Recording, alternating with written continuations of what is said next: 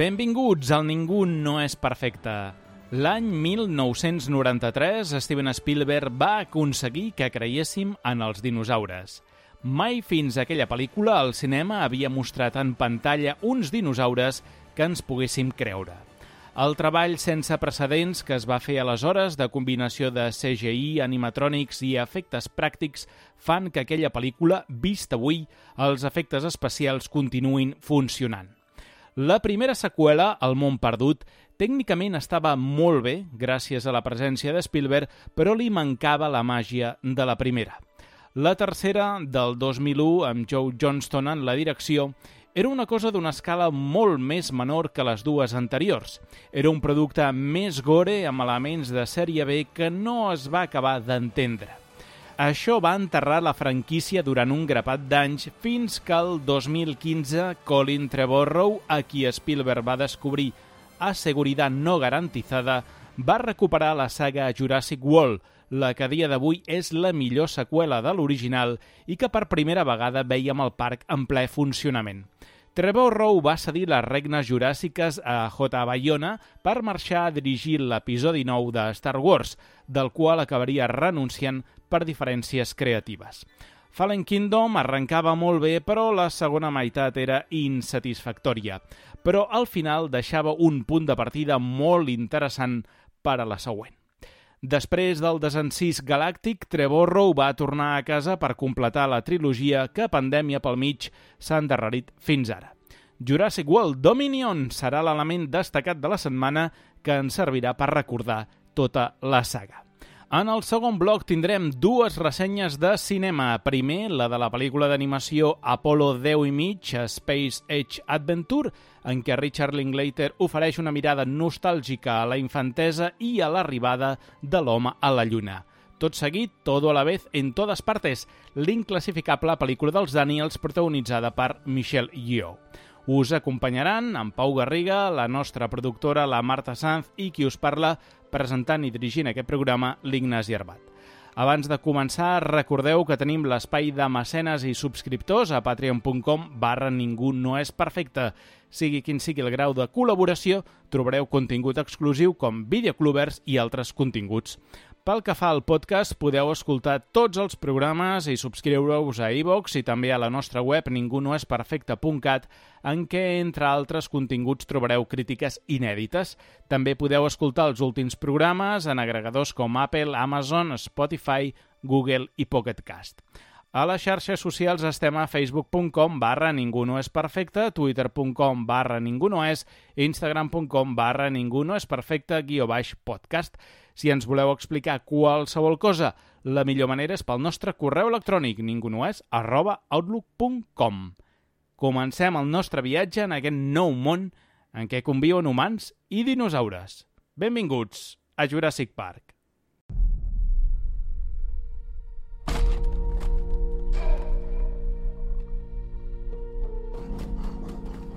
L'Aula ha tingut un fill. És impossible.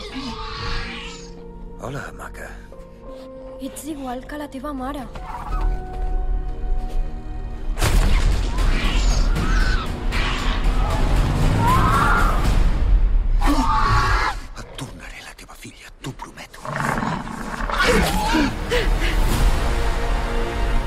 Ja damunt de l'helicòpter comencem amb aquest especial Jurassic World Dominion. Avui aquí dalt eh, saludo la Marta Sanz. Marta, què tal, com estàs? Doncs molt bé.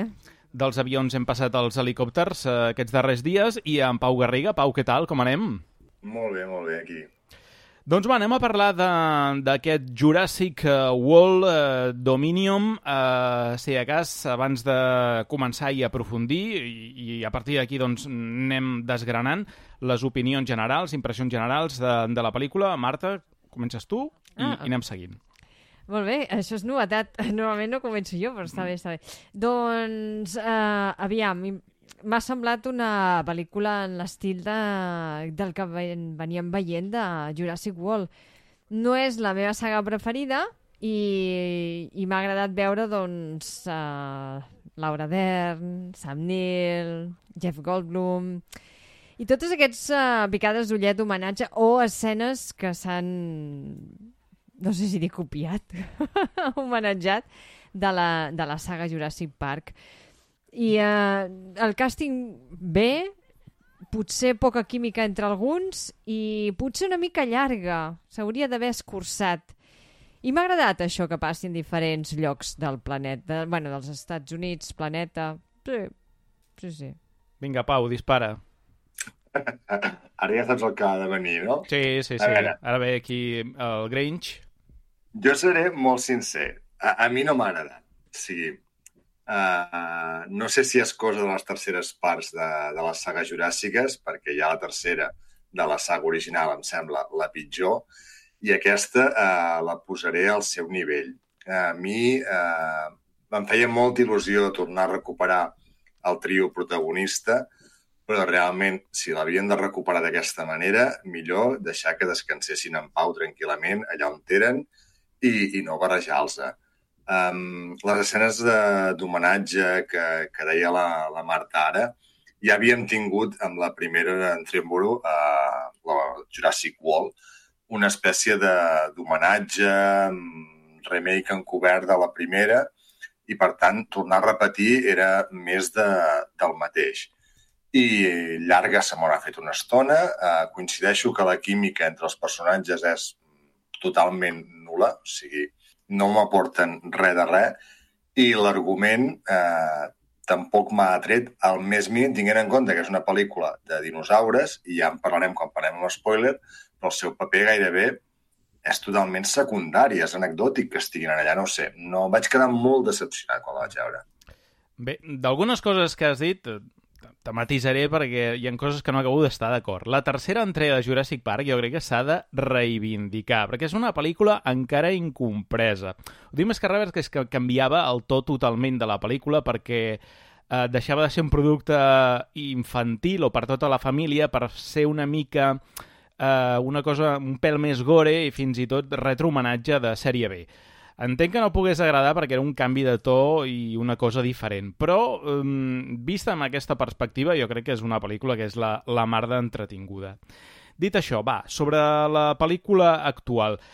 Jo discrepo amb, amb algunes coses que heu dit i, i amb altres doncs hi estic una mica d'acord jo sí que l'he trobada molt entretinguda. Jo no m'he avorrit en cap moment, dura dues hores i mitja eh, i m'han passat pràcticament volant. Sí que és cert que hi ha algun moment que m'ha sobrat i, i que sí que el ritme de la pel·lícula decau i es nota que és alguna escena totalment prescindible. Jo, per exemple, i ho dic així de clar, retallaria tot el metratge de Malta. Són entre 20 Mhm. i 25 minuts que a mi ens sobren completament. Primer, perquè és que no aporten res a la pel·lícula. Uh, trobo que aquesta barreja entre Fast and Furious, dinosaures i James Bond a mi és que no m'ha funcionat gens. Llavors, quan parlem una mica com s'ha rodat, també podem entendre mm, perquè doncs és una part bastant fluixa d'aquesta pel·lícula, però jo crec que si li traiem aquests 20-25 minuts ens hagués quedat una pel·lícula de dues horetes que crec que seria bastant millor de, de, del que ha quedat, no? També he de dir que l'opinió que expressaves tu, Pau, és la majoritària de, de la crítica. Jo no acabo de, de compartir eh, els, els atacs, eh, alguns sagnants, que s'ha fet envers aquesta pel·lícula eh, i a vegades dius, a veure, posem-nos una mica en context. Co- Com... O sigui, és, aquí estaria més al cantó de la Marta, és a dir, quin és el nivell de seqüeles de Jurassic Park que tenim una primera pel·lícula que és una obra mestra, però tota la resta de seqüeles quin és el nivell? És a dir, per mi Mhm. aquesta no desentona gens eh, respecte al nivell de totes les seqüeles. És a dir, a mi potser, a banda de Jurassic World, la primera, que és la que més m'agrada després de l'original, però vaja, que ja és un punt més avall respecte a l'original, que és una obra mestra. Però la resta, a mi, mm, doncs m'han deixat així una mica, coses m'han agradat, coses que no, però són pel·lícules que no acaben de ser del tot satisfactòries. I crec que aquesta, doncs, més o menys va per allà. És a dir, eh, si et quedes amb l'entreteniment pur i dur i, i, no sé, i poca cosa més. Però jo, en general, no és perfecte, ni molt menys, i ara, doncs, aquí algunes de les coses que heu dit, doncs, eh, realment eh, són certes, perquè la pel·lícula té uns quants problemes, Eh, és cert que la, el punt de vista que ha volgut eh, aplicar aquí Colin Trevorrow és molt més que, que qüestionable a l'hora de fer un homenatge a la saga, és a dir, aquí podies haver fet doncs, el que ha fet, que és eh, repetir el que ja havíem vist i oferir una mica més eh, del de sempre, però fem més gran i fem un homenatge, o fer un pas endavant, explicar una cosa diferent, que és el que jo crec que tots ens esperàvem, jo inclòs. És a dir, després del final de l'anterior, jo m'esperava una història que avancés en el tema de quin és el món que ens ha quedat en què ens humans mm -hmm. i dinosaures comparteixen espai. Aleshores, com és aquest món? A mi m'interessava molt que m'expliqués això. això. La pel·lícula no m'ho explica i torna a explicar-nos la història que ens han explicat mil i una vegades del diem, científic boig que juga amb dinosaures i pipim papam que ja hem vist en totes les pel·lícules. Era necessari això? No ho sé però per lo que volia fer Colin Trevorrow era doncs, el que li venia de gust explicar. No sé si voleu afegir més cosetes de tot això que acabo de comentar.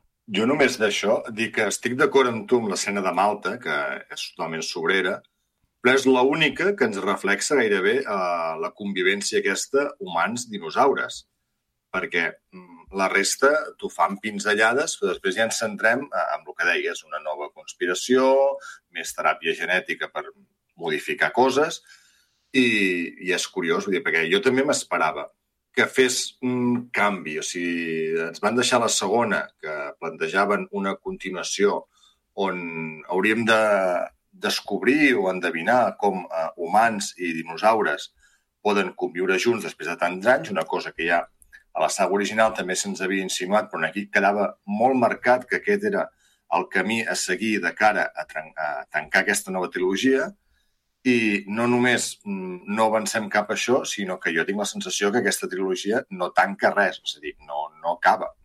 Estem, igual com hem començat la pel·lícula, estem com l'acabem. No, no, no entenc què ens ha volgut explicar aquí, més que la història aquesta que ja hem vist altres vegades. Mm. Aquí, Marta, tu mm, feies un comentari, que si de cas doncs ara ens l'amplies una mica. Fora de micros? Sí, fora de micros, uh -huh. mentre estàvem preparant l'espai. Sí. Um, això segueix la trama de l'anterior. Sobretot recull aquest el personatge de Mace, que és un clon, etc. No? Ens presenta mm. aquest suposadament el que comentàvem ara, no? És a dir, tampoc intenta desfer-se del que va passar a l'entrega anterior, sinó que ho recull... Sí, jo crec que hi ha molta continuïtat, eh? Sí, sí, sí. En, en una part, no? Perquè és com dues pel·lícules en una i, i després en parlarem. Mm. El cas és que aquest panorama mundial amb dinosaures, que ja hem dit que no explora, tot i que al principi sí, de la home. pel·lícula... Fa un resum en format telenotícies. Sí, i a més a més tenim una escena que és el pròleg, per dir-ho d'alguna manera, amb la Bryce Dallas Howard, que crec que és molt interessant i que sembla que vagi per aquí la pel·lícula. Malament perquè ho deixen fred, o sigui, ho aturen, no hi ha res més. És que per mi el personatge de la Claire Deering, que és la Bryce Dallas Howard, que és una persona, o sigui, és una actriu boníssima, és una directora boníssima i com d'estar tan desaprofitada en aquesta pel·lícula. Correcte. Entenc que ella fa el que fa, les, les eh, línies de guió són les que són. Hi ha diàlegs absurds, no sé, Pau, si, si us vau adonar, Ignasi. Sí, sí, sí. Diàlegs d'aquells blancs, és a dir, i fins i tot com inacabats, dius, però no... O, què passa aquí? Quin, quin sentit té això d'ara, no? I ella fa, és activista, que ja ve de, de l'anterior, no? de Fallen Kingdom, i aquí es veu molt més el seu paper de... Bé, que s'escola amb una periodista que és com una mena de streamer, és el nou periodisme també, que això han volgut també posar-ho al dia, eh? i amb una granja de, de, de dinosaures, no? Perquè se suposa que estem en un món en què... Això sona moltes vegades, eh? I el missatge... Sempre a cada Jurassic Park hi ha un missatge. I aquí el missatge és haurem d'aprendre a conviure amb els dinosaures, no? Humans i dinosaures. El que passa que la conclusió per mi és no, no es pot. No, no es pot, no? Per això érem d'èpoques diferents. Llavors, eh, sí que se la veu um, en un moment doncs, que intenta fer el bé amb accions que, com sempre, són qüestionables, poden ser qüestionables. I està molt bé aquella part, però és que mm. no es veu res més d'aquesta faceta. I ens ensenyen una Claire, un personatge femení que hauria de tenir molta força, um, depenent d'un home. I jo és que és que m'ha esclat al cap, no puc més d'això. I uh, abraça'm, i uh, tornaràs. Però si no torna, no torna, escolta, en Però, els, els millors moments que té ella és quan no hi és ell. Exacte, quan... És- és així, ara, eh? ara no vull fer spoilers, però és quan hi ha el team dones. O sigui, és Sí, el sí. millor moment. No ho sé, vull dir, entenc que vulguis uh, No, a Trevor veure, Rowe el- uh, Sí, perquè el, el homenatjar que una pel·lícula dels 90, però no cal en certes línies de diàleg tornar als 90. Dic, I el tractament que li han donat a Laura Dern, el seu personatge de Mary Sadler, també deixa anar, eh? I Mm, queda ha fet curt. una involució al personatge, quan a la primera tenies un personatge mm, fort, potent, i aquí, mm, no sé, a mi no m'ha agradat gens com l'han tractat. De fet, no m'ha agradat gens com han tractat a cap dels clàssics, eh? Bueno, eh, aquí discreparé bastant, eh? Ja Menys, dic ara. excepte en Jeff Mm. Goldblum, que m'ha No. Ui, semblat... no, A, a mi, a mi no? Bueno, mira, a mi m'han agradat- comentaris... A mi m'han agradat molt els tres. Ara, Sí. ara en parlarem També d'això, hem de però... pensar una cosa, que són més grans i que hi ha menys agilitat física, eh? No poden posar-los amb un estrès físic. Mm. No són Tom Cruise. Sí, sí, sí. I vull dir que jo entenc eh, que les parts potser que tu recordes, que jo ara he fet una revisió, més de córrer, de fugir i tal, no poden ser-hi perquè mm, són més grans i potser ells tampoc Mm. es presten, no ho sé. Tornant al que estàvem parlant, ja ara ja anirem A a, mi m'ha comentar. agradat això de veure diferents escenes del món. Sí, no, No, Vull dir, això està bé. escenaris, no? I que passen coses perquè vas veient...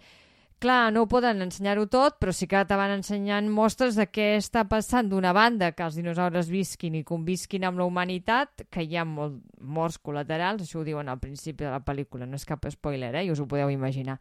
I, i, i escenes ridícules, no? Una nena corrent perseguida per petits, no sé què Sí. són... Eh... Això està bé, això està divertit. Dir, aquestes. eh, està bé. Mm. I, uh, I de l'altre, doncs, què passa quan... Perquè sempre són, si us fixeu, sembla una pel·li molt blanca, però t'estan uh, deixant anar interrogants, tipus què passa quan es fan modificacions genètiques a una espècie d'insecte o una espècie animal, no? Però això ja n'hem parlat a les Sí, dues sí. pel·lícules anteriors. Exacte, sí, que... bueno, però continuen perquè, Sí. és, perquè per si de cas la humanitat, que és una mica fava, doncs tornem-ho a fer perquè veieu, és, és que catastrofista, eh, de fet, i és molt mm, manipulador el missatge, no? És com o és blanc o és part ja- negre.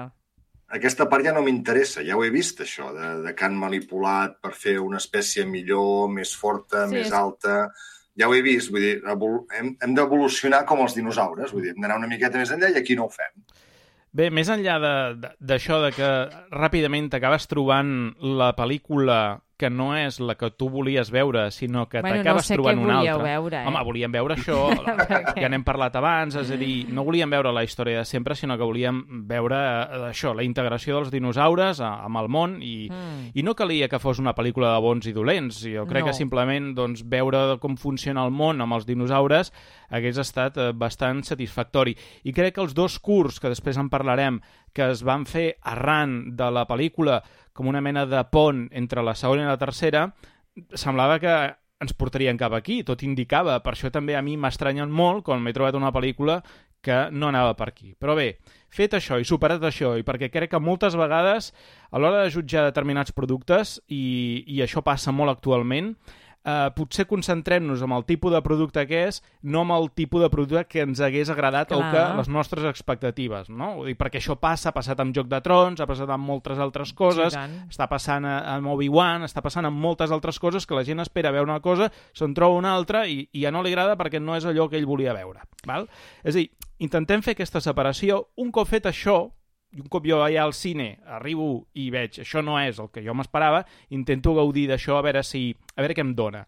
I em trobo, doncs bé, una pel·lícula que, escolta, és una monster movie, clàssica, d'aquelles que es feien als anys eh, 50, amb dinosaures, tota aquella escena de les mines, per exemple, em recorda molt aquest tipus de cinema, el fet d'incorporar l'avió, que per cert, aquest model d'avió ja apareixia a Jurassic Park 3, és el Benchcraft Super King, que va ser un avió fabricat el 1969, és el model mm, B200, per qui el vulgui buscar, perquè és bastant peculiar, no? Sembla així d'estil clàssic, retro, no? Té aquestes ales, vull dir que és un tipus d'avió bastant curiós i, i el recuperen, entre cometes, perquè no és el mateix avió, però vaja, és el model que ja sortia en aquella pel·lícula. I crec que a partir d'aquí et vol transmetre doncs, aquest estil d'aventures clàssiques amb dinosaures, amb alguns homenatges. A mi, per exemple, mm, així de històries una mica pulp, no? de, perquè crec que intenta explorar aquest, aquest aspecte. M'ha recordat, ho dic pel tema de l'avió, eh? llavors quan s'incorpora mm -hmm. el personatge de, de la pilot, aquella sèrie, no sé si l'havíeu vist vosaltres, els contes del Mono d'Or, eh, del 82, que és aquell... No. És una sèrie que va passar fa molts anys per televisió espanyola, perquè és dels anys 80, i després la va recuperar uns anys més tard TV3. I era del el Donald P. Belisario, que era el productor que feia Magnum, i juntament amb Magnum, doncs, als anys 80 també va fer aquesta sèrie que només va durar una temporada, que era molt pulp, es va estrenar el mateix any que Indiana Jones i tenia doncs, bastant punts en comú, perquè també transcorria durant la Segona Guerra Mundial. bueno, era un Indiana Jones així una mica de pulp, baratillo i, i de la televisió, però tenia bastant encant no tenia un gos, que tenia com un... que era com Nick Fury, no? que tenia un ull també així malament. Vull dir que est estava divertit. I crec que també, bueno, amb aquest personatge intenta recuperar tota aquesta part. A banda del personatge de la pilot, és una Han Solo de la vida. Mm. A mi m'agrada la pilot. La, la Wanda the Wise. Sí, sí, uh -huh. sí. Que es diu Kyla Watts o alguna no? Sí. Sí, es diu Kyla en, en la pel·lícula, sí. Sí, sí, he buscat... Bueno, fa força coses la Amanda de Wise. The Wanda Wise es diu. Wanda Wise. The Wanda Wise. The Wanda Wanda. Wise. Sí, sí. Wow. Sí, sí. Sí, és aquest company d'aventures. A mi, em veus, per exemple, em va recordar molt a, a la mòmia, que també hi ha un moment eh, on van a buscar un pilot retirat, que els aporti, i és així com aquest típic company d'aventures secundari que se'ls hi acaba unint i, i formant part del grup. Que això ja forma part de, del cànon de, de pel·lícules d'aventures. Això ja ho comprava jo, ja m'agradava. Mm. És un clixé, també, no? Bueno, és- Sí, però benvingut sigui, Sí, perquè la pel·lícula bé. aquesta ja veu de clixés, també. Vull dir, el personatge Sí, sí. mateix de l'Owen, el d'en Chris Pratt, és un clixé directament. Sí. El, els, els tres protagonistes originals gairebé potser també podríem dir que ho eren. Per No tant, ho sé, perquè jo crec que van encetar un clixé. Jo crec que va ser un... l'Alan Grant, el típic, eh, no Indiana Jones, però sí palantòleg així... Eh, Sí, un Quatermain o no sé. Sí, Mm. Liam Malcolm, eh, aquest estil de rockstar, Graciós, ara un, mat un matemàtic graciós. Sí, influencer, sarcàstic, en podríem dir ara gairebé. Sí, però també. influencer dels 90, eh? Que no...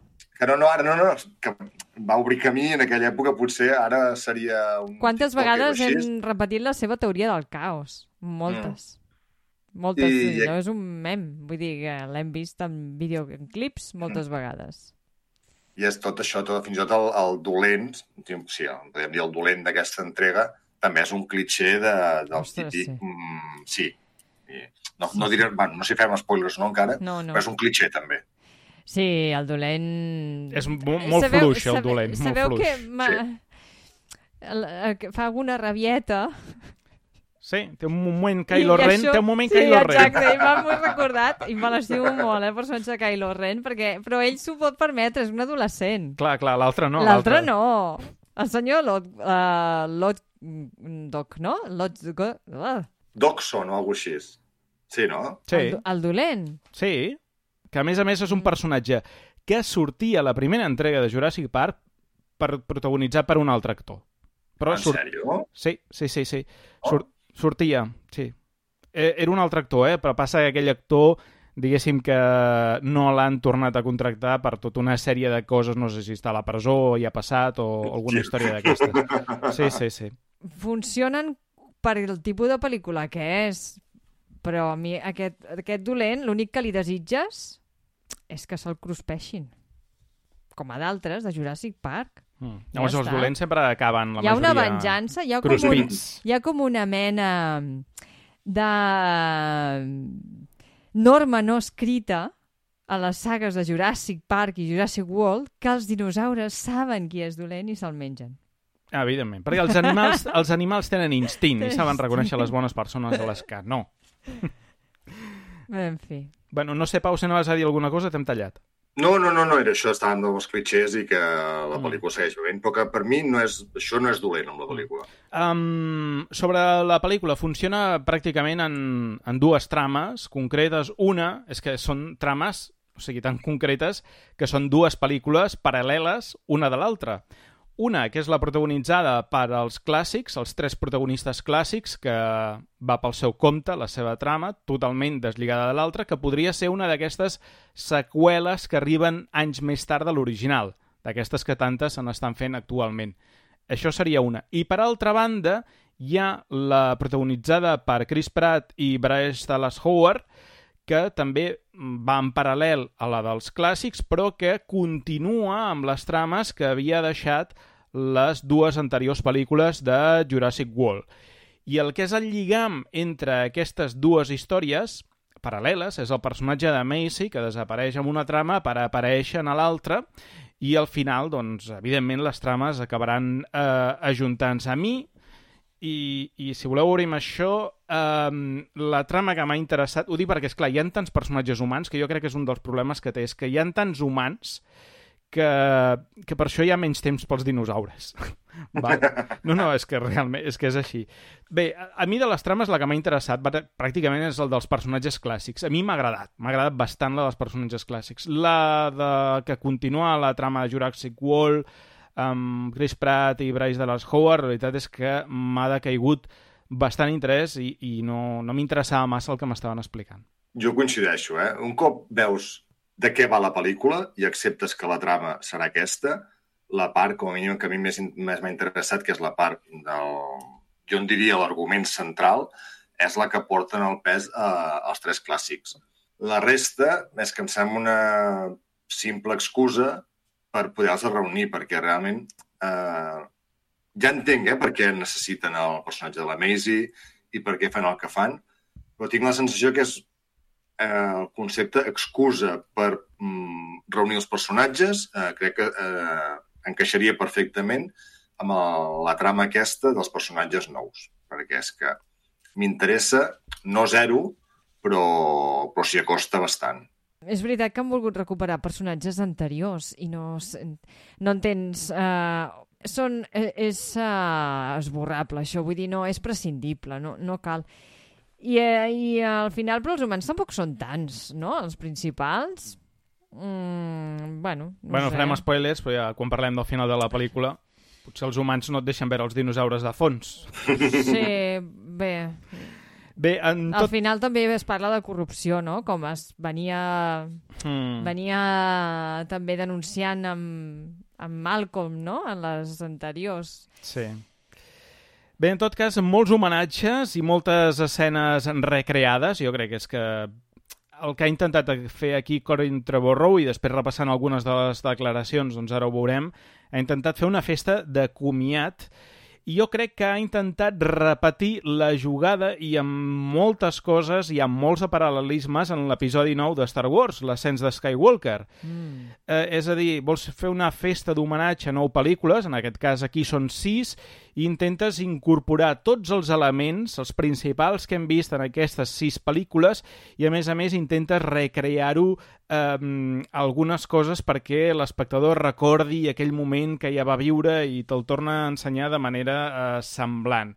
I m'ha recordat molt eh, la manera de fer d'aquella pel·lícula què vivim aquí? De, o sigui, què venim a explicar? Una història nova? A, a continu... o sigui, fer una nova trilogia o, o a viure del que, del que vivim? Te posaré com a exemple una pel·li que, que amb els dos ens va agradar molt, ens ha encantat, que és la nova Casa Fantasmes, mm. que respecte a la nostàlgia fa un homenatge perfecte a la, diguem-ne, saga, a les dues pel·lícules originals, eh, en els personatges, però és capaç de crear una entitat pròpia, una història interessant i uns personatges nous que t'atrapen.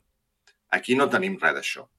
Aquí anem ficant, mm, diguen còpies, diguen homenatges, com vulguis, d'escenes que ja hem vist, situacions que ja hem vist mm, adaptades una miqueta perquè no semblin còpies exactes, i, i reunió de personatges per, mira, acabem la trilogia i tanquem l'univers Juràssic, eh, univers Juràssic, unint eh, les dues eh, etapes, l'etapa clàssica i l'etapa nova. Però el que sosté això o el que fa que això tingui un sentit, per mi no existeix. I si vols fer un final de, de saga, has de tancar. Mm, em repeteixo, però jo no, no puc entendre que dues hores eh, 30 o dues hores 20 després de seure'm a la butaca a mirar la pel·lícula, el que m'ha motivat a anar-la a veure mm, segueixi sent igual d'incògnita que quan m'aixeco després d'haver-la vist. Però tu dones per suposat que ha de tancar alguna cosa, però tu ja saps que això no s'acabarà aquí. Vull dir que... Bueno, clar, ja és, segons eh, jo m'ha semblat veure de Trevorrow, eh, diu que ell mm, sí que tanca trilogia no. i que era un final d'etapa. E, ell sí, però la saga continuarà. Vull dir que, clar... Ja, ja. Uh, ara, després en parlarem també d'això. Bé, sobre els personatges clàssics, jo és que a mi m'ha agradat. O sigui, m'ha agradat molt veure'ls els tres. El, uh, trobo que entre ells hi ha molt bona química. Reconec que eh, hi ha molt de fanservice en la part dels personatges clàssics, però és que m'és igual, és que m'ha agradat. Jo crec que la parella de Laura Dern i Sam Neill funcionen perfectament, es coneixen molt i es nota la pel·lícula, i per mi el Jet Goldblum té els millors diàlegs que reconec bastant molt a Ian Malcolm sí, sí que hi ha cert que hi ha coses que potser no tindrien massa sentit com que els vesteixin igual sobretot Ian Malcolm, que continuen amb vestit de negre. És dir, hi, hi ha coses d'aquestes que és que ja ho saps que no tenen sentit. També ho han fet amb l'aspecte de que no tingui sentit. Ho fan perquè crida la nostàlgia de l'espectador. Simplement, bàsicament això. Ja ho sabem que no té massa sentit que continuï portant la mateixa roba que fa més de 30 anys. Però és que, no sé, és que... I a mi és que veure els, els originals eh, junts m'ha agradat. Eh, que interactuen amb... Eh, o sigui, tanta estona. Trobo que això està bé. I ja que compràvem Star Wars, és el que Star Wars no va fer amb els personatges clàssics. Que mai en la nova trilogia van veure a Han, Luke i Leia interactuant junts. I aquest és el gran error, un dels grans errors d'aquella trilogia. Aquí, com a mínim, això ens ho han donat. Que serà fanservice també i que hi haurà coses d'aquestes, sí, però bé, és igual. Jo crec, a mi em funciona. I m'ho he passat bé, i per tant, jo valoro positivament. Personalment, jo aquí hi ha coses que et compro i coses que no, no estarem gens d'acord. O sigui, ells tres funcionen molt bé. O sigui, la química que desprenen, eh, sobretot Sam Neill i, i Laura Dern, és molt bo i quan s'uneixen tots tres mm, també funciona molt bé. Evidentment, eh, el que dius, tampoc s'ha sentit que dia de... Bueno, vagi encara, eh, l'Alan Grant vagi vestit com un cowboy com quan tenia 20 anys i en Jeff Goldblum vagi amb els pantalons aquests gairebé els d'allò de cuir que portava i la camisa negra aquesta. Eh, això està posat per als fans de la saga original que anem a veure el trio eh, protagonista actuar junts. A partir d'aquí, jo ja ho he comentat, bé, tinc la sensació de que l'homenatge que fan els personatges i com els han... l'evolució que els hi han fet els hi fa un flac favor. O sigui, no m'ha agradat eh, Alan Grant i Lily Sadler com els presenten.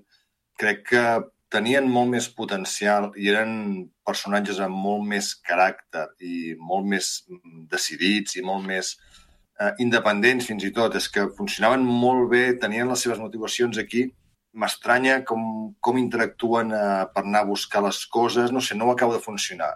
L'exemple, o bueno, com més gros, és, és Ian Malcolm. O sigui, no em crec gens, eh, com tu deies que l'havies reconegut, jo en cap moment vaig reconèixer uh, l'Ian Malcolm sarcàstic, eh, amb la, teoria del caos aquell de és que morirem tots, eh, és el que hi ha, veus com tenia raó.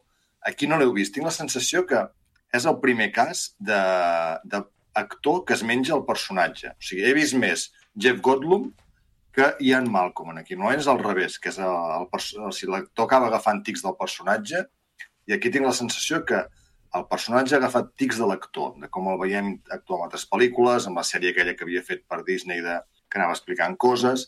No, no m'ha convençut. És una cosa dels que més greu m'ha sabut de la pel·lícula, que m'ha costat reconèixer uh, l'essència dels personatges originals.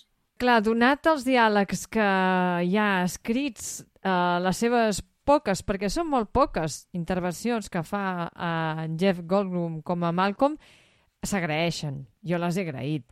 Mm, mm, quan estan en una missió de també que han de restablir energia, que també això us sona, doncs eh, jo no l'he viscuda igual que quan mirava Jurassic, però és que tampoc m'agrada comparar, perquè és una pel·lícula diferent, tot i que és difícil, perquè fa aquesta cosa, en Trevorrow, de copiar escenes. O sigui, és que fins i tot hi ha una escena cap al final no és res, uh, Ignasi, no pateixis, eh? Val, val, digue-la, doncs. en què, en què es veu, és una mena de plaça, uh, és on te, és el, de fet és la fortificació, no? És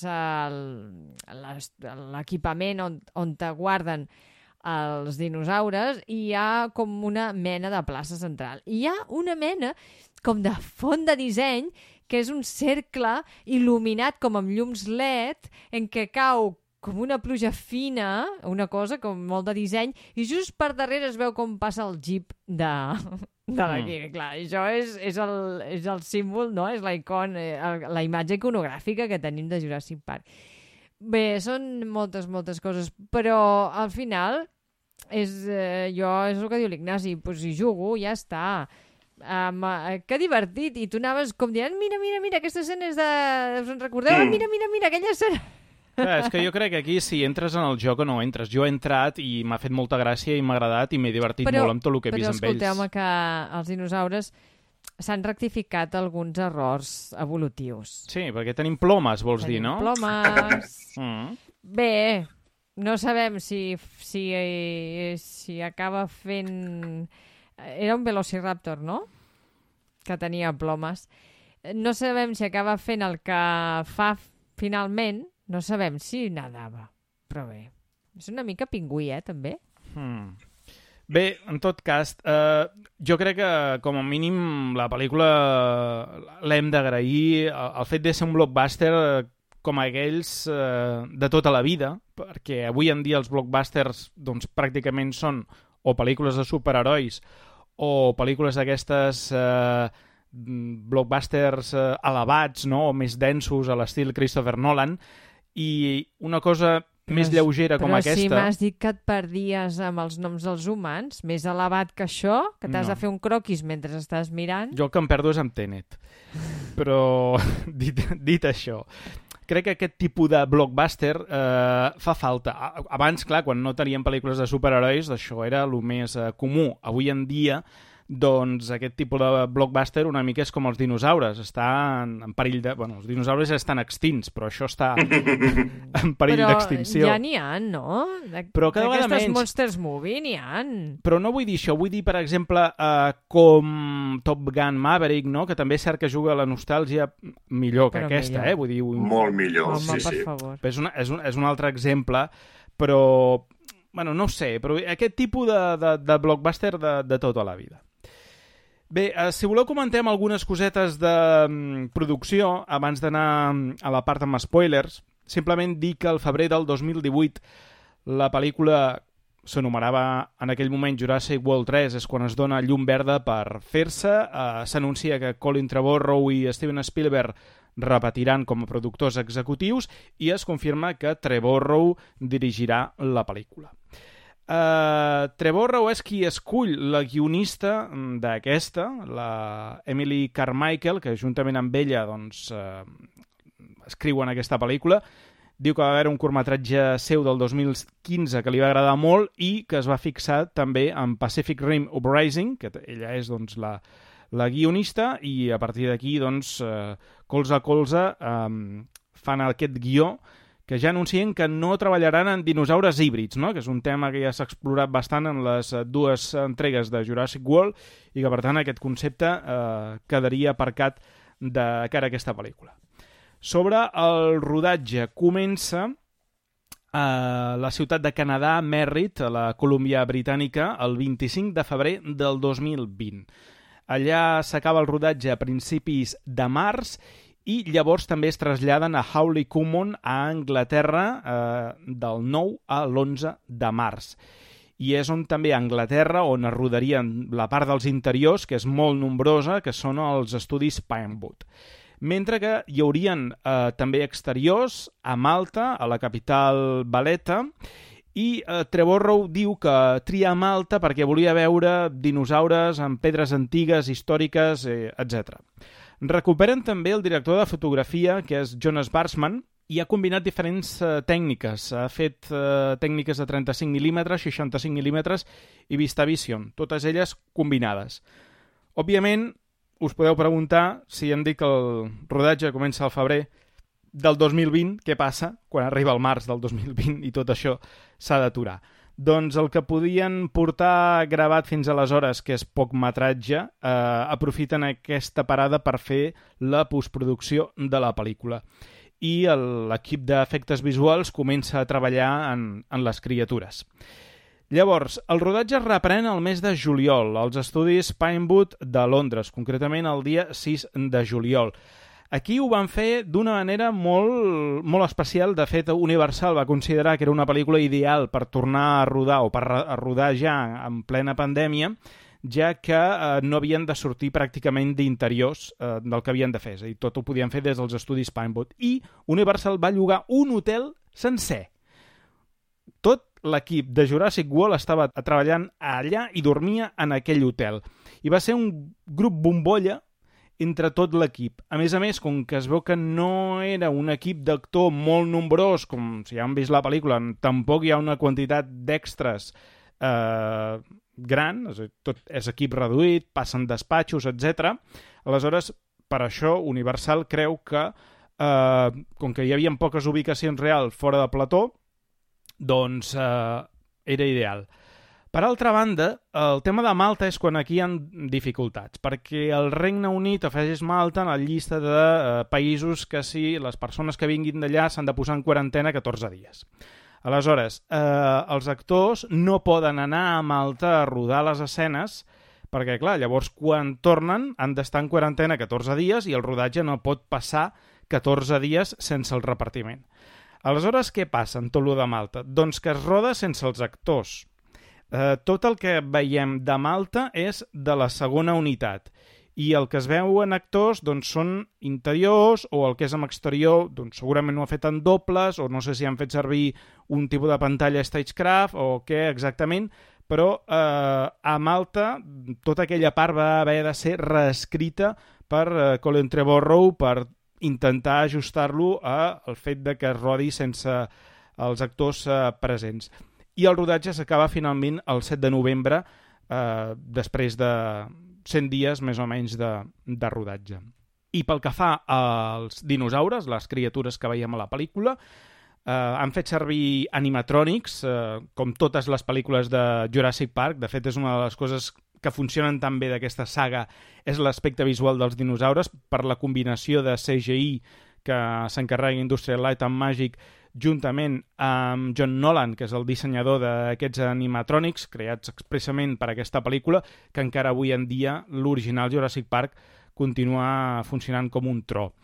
I l'antagonista, el gran dolent dinosaure, és aquest Giganotosaurus, que Colin Trevorrow diu que es va guardar per aquesta última pel·lícula, doncs, per aquesta rivalitat que hi ha entre el Tyrannosaurus Rex, etc i acabar-la de desenvolupar. I pel que fa a la banda sonora, tenim a Michael Giacchino, que ja va escriure les anteriors pel·lícules de Jurassic World, que en alguns moments, doncs, quan li va bé, fa servir el tema de, de John Williams. No sé si voleu comentar alguna cosa respecte a tot això. No, que, que no són els primers, no?, que fan una mena de, de, de campaments de... amb no, la, amb pandèmia, desgraciadament. Sí, sí, no sé que... Ostres, ara, ara entenc coses, Pau. Ara entenc... Jo crec que la Bryce Dallas Howard devia estar fins als nassos de Chris Pratt. per això... Per això surt a vegades com tots dos desmenjats, no? Vull dir, a vegades és que sembla que ni es miren els ulls. Vull dir, una cosa molt estranya. Uh, hi ha un cansament, Ignasi, un cansament darrere les càmeres i davant Home. de les càmeres. Però això crec que no es nota, eh? Home, hi ha, una, hi ha una química... Però aquesta falta de química no ve d'això. Va. Ja ve de les altres pel·lícules. No era tant. Avui que he recuperat algunes escenes no ho he vist tan exagerat. Sí, potser és que ja s'han cansat d'un de l'altre. Ja jo està. crec que sí, home. Que te'l trobes al bufet lliure per esmorzar, per dinar, que si ara uns, uns canapés, que si ara fem un cafè i que te'l trobes a tot arreu, ja està bé. vas a l'ascensor per anar a la teva habitació i tornem i... Jo, és que és molt pesat, això. Ja sé com a parella no m'han funcionat mai en pantalla. No. no sé, és cosa de Chris... Jo crec que és No, més però- cosa de Chris Pratt. Sí, jo també, eh? Mm, Chris Pratt per és, aquí, eh? és, és uh, un tipus raro, un tipus uh, estrany, no? Bueno, abandonem el capítol Prat. Eh, Sí, capítol Prat. alguna cosa sobre aquest tema? De producció? Sí. No, no, no. No, no, no. M'ha sorprès el tema Malta, perquè realment són coses d'aquelles que Mm. sí que veus eh, que l'escena en alguna cosa falla, però mai te pots arribar a pensar això de que directament s'ha tingut que reescriure tota, que els actors no hi eren, la feinada que has de fer-ho, o sigui, són coses d'aquestes que s'agraeixen de saber, perquè dius, bueno, puc ser una mica més eh, tolerant amb els possibles errors que he trobat i també la feinada que comporta el fet de planificar-ho tot perquè es noti el menys possible que aquí hem tingut eh, imprevistos a l'hora de rodar. Veus, jo crec que hagués estat l'excusa perfecta per eliminar tota la part de mat. Ja que no fem, la traiem i ja està. Clar, jo és que el de Fast and Furious en dinosaures, que de fet s'havia comentat, no?, Universal, que eh, s'havia doncs, sortit la idea de barrejar les dues sagues amb un crossover. Jo, després d'haver vist aquesta escena, crec que si era prou evident que era una mala idea, crec que ara s'ha confirmat. No esperaves de veure en Dominic Toretto en alguna curva allà, Sí, un sí. plano d'aquests passant mirant? Podia ser, podia ser. Però segurament hi ha una part dels joves que li ha agradat molt aquestes, aquesta escena. Bé, no ho sé, pot ser, pot ser. Bé, de fet s'havia vist el tràiler, eh? vull dir que això estava anunciada. Mm. Sobre la taquilla, que ja tenim xifres, ha costat 185 milions de dòlars i en quant a taquilla la pel·lícula ha estat un super èxit. Ha recaptat el primer cap de setmana 143 milions de dòlars, es converteix en la pel·lícula postpandèmia número 1 de no superherois, val? Eh, Les que ocupen... De... I la número 3 si les agafem en global, perquè la primera seria Spider-Man No Way Home, la segona Doctor Strange and the Multiverse of Madness, i el número 3 aniria aquest Jurassic World Dominion, és a dir, superant a Batman, superant a Top Gun, eh, vull dir que...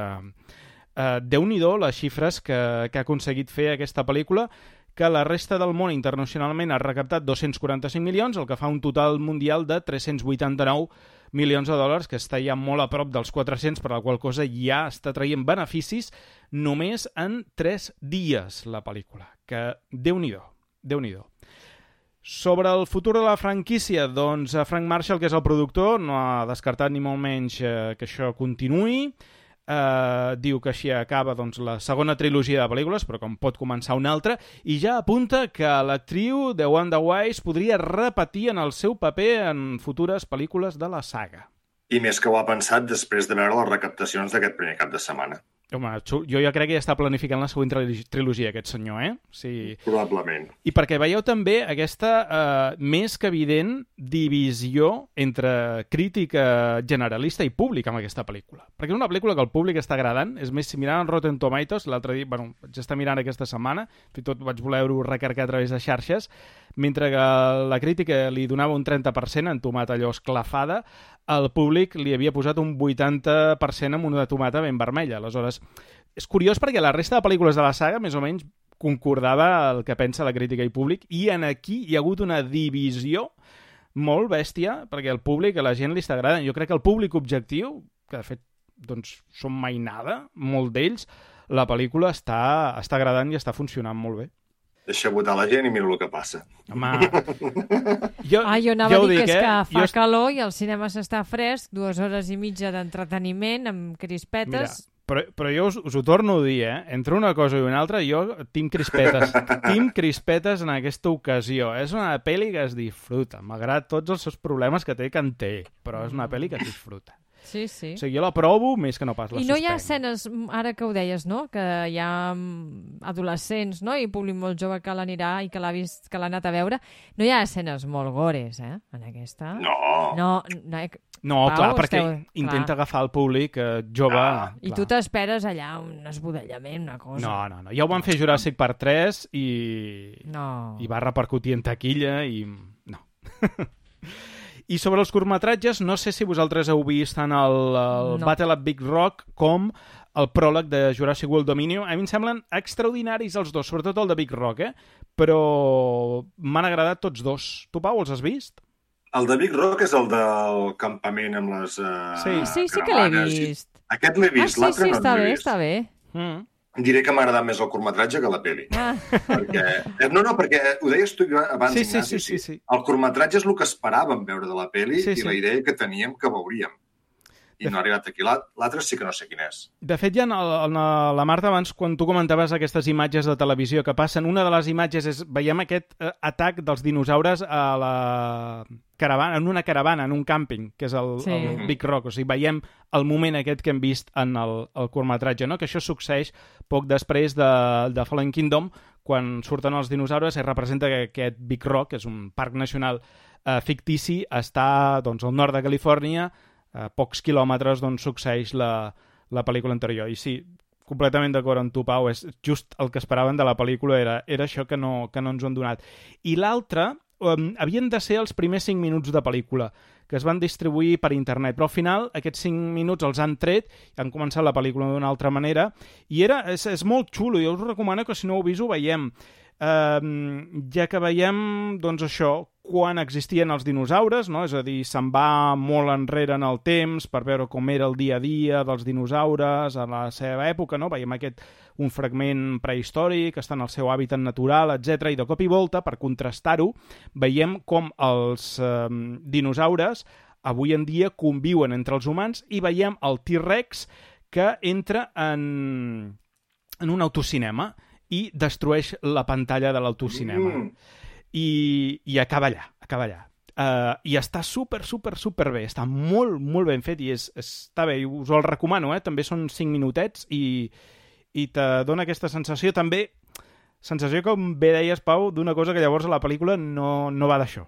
Aquesta escena que dius del T-Rex surt en el tràiler, perquè jo la vaig trobar a faltar a la pel·lícula. Clar, no sabia que venia del curtmetratge. Sí, sí, sí, ve d'aquest altre curtmetratge. Val.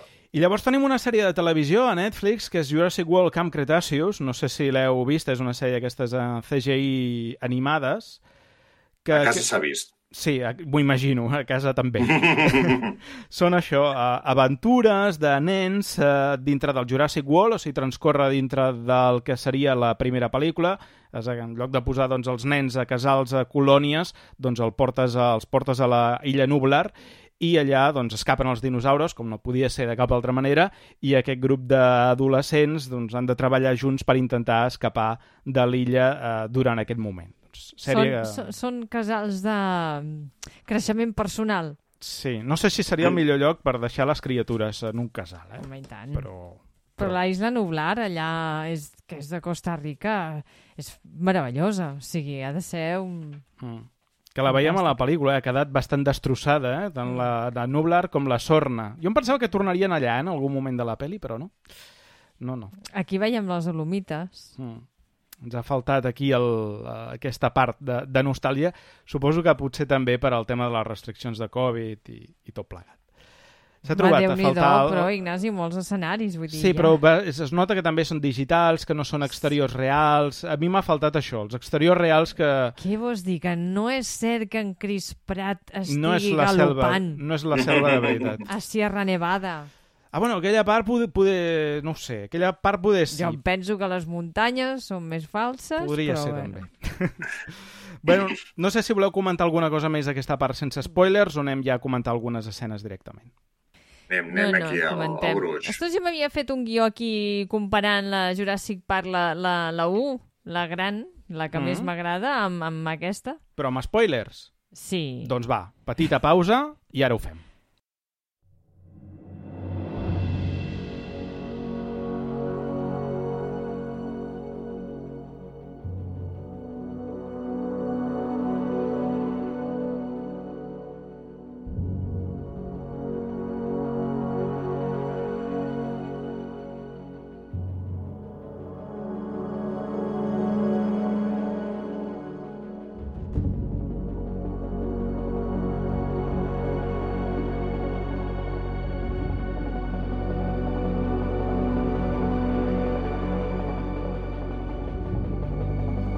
Doncs va, anem a comentar així eh, alguns aspectes de la pel·lícula ja amb, amb spoilers. Avui hem volgut dedicar més temps a la part sense que a la part amb, perquè tampoc és que anirem a analitzar tampoc gaires escenes, anirem així una mica en plan eh, genèric de la pròpia pel·lícula. Marta, te recullo el que m'estaves dient. Tu has buscat els paral·lelismes... Sí, no tots, eh? No he tingut... Sí, perquè no acabarem, eh? No. Ens menjarem tot l'espai no, en això. Però, eh, bé, per necessitat pròpia meva, com a locutora d'aquest programa, he pensat, posem-nos en context i anem a mirar exactament on és l'origen mm, d'això, no? De, del Dominion, que no és ja ho sé que és la saga Jurassic World, però com que té tants homenatges a la Jurassic Park, he pensat, tirem enrere. Tirem enrere, la primera pel·lícula és John Hammond, que el recordem, un ballet adorable, que després no és tan adorable, que eh, amb les seves indústries InGen eh, aconsegueixen clonar que ens va fascinar en aquell moment dinosaures amb ADN de granota i ADN de dinosaure extret d'un mosquit prehistòric atrapat en ambre. Més fàcil? Qui no ha pensat en això? Aquí també tenim ambre, eh? Home, perdona, la Laura Dern, no sé si heu fixat, eh? Porta un anell d'ambre. No Sí. us heu fixat? Us heu fixat? Sí, sí, sí, això ho vaig Gràcies. veure. Gràcies. Uh, llavors hi ha un equip científic que hi ha el doctor Henry Wu, que és el, és el mateix, és el mateix de Dominion. Però li han canviat molt, trobo, la vestimenta, perquè us heu fixat Sí. que ara el doctor Henry Wu va batí? Sí, Qui senyor. surt amb batí a Jurassic World? O sigui, Veus? I en Malcolm va de negre i l'altre en batí, tu. en batí? No, no anava així vestit. Anava a- amb vestit d'home o amb bata científic. Perquè aquest anava de l'hotel directament ja, Ah. o sigui, no... Passava pel bufet no, lliure No anava i- per vestuari, no estava allà a l'hotel Ha de... fet un creixement espiritual ara. I és Ah. més... Sí, ara és més zen. Ah. Més, no, no és una bata, és un vestit d'aquests, un kimono o una Ah, cosa així. Ui, no diguis kimono, el kimono és per anar de cerimònia. Bueno, és que- un vestit així és més d'aquests... Però eh, és marró, Pau. És zen. marró. Ah, per...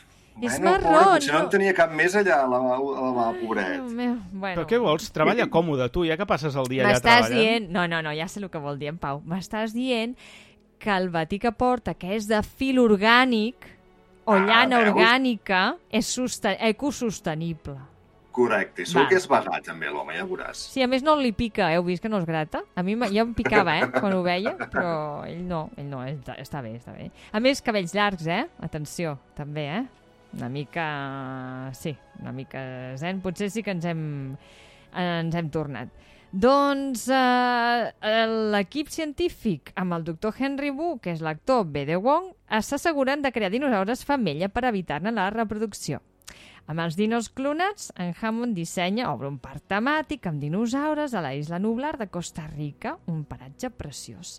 I després que un dels treballadors del parc és menjat, jo vaig tirant, eh? És menjat per un velociraptor. Aquí ja la pel·lícula ens posa en situació. Els dinosaures hi són i es mengen persones, les persones que estan treballant al parc.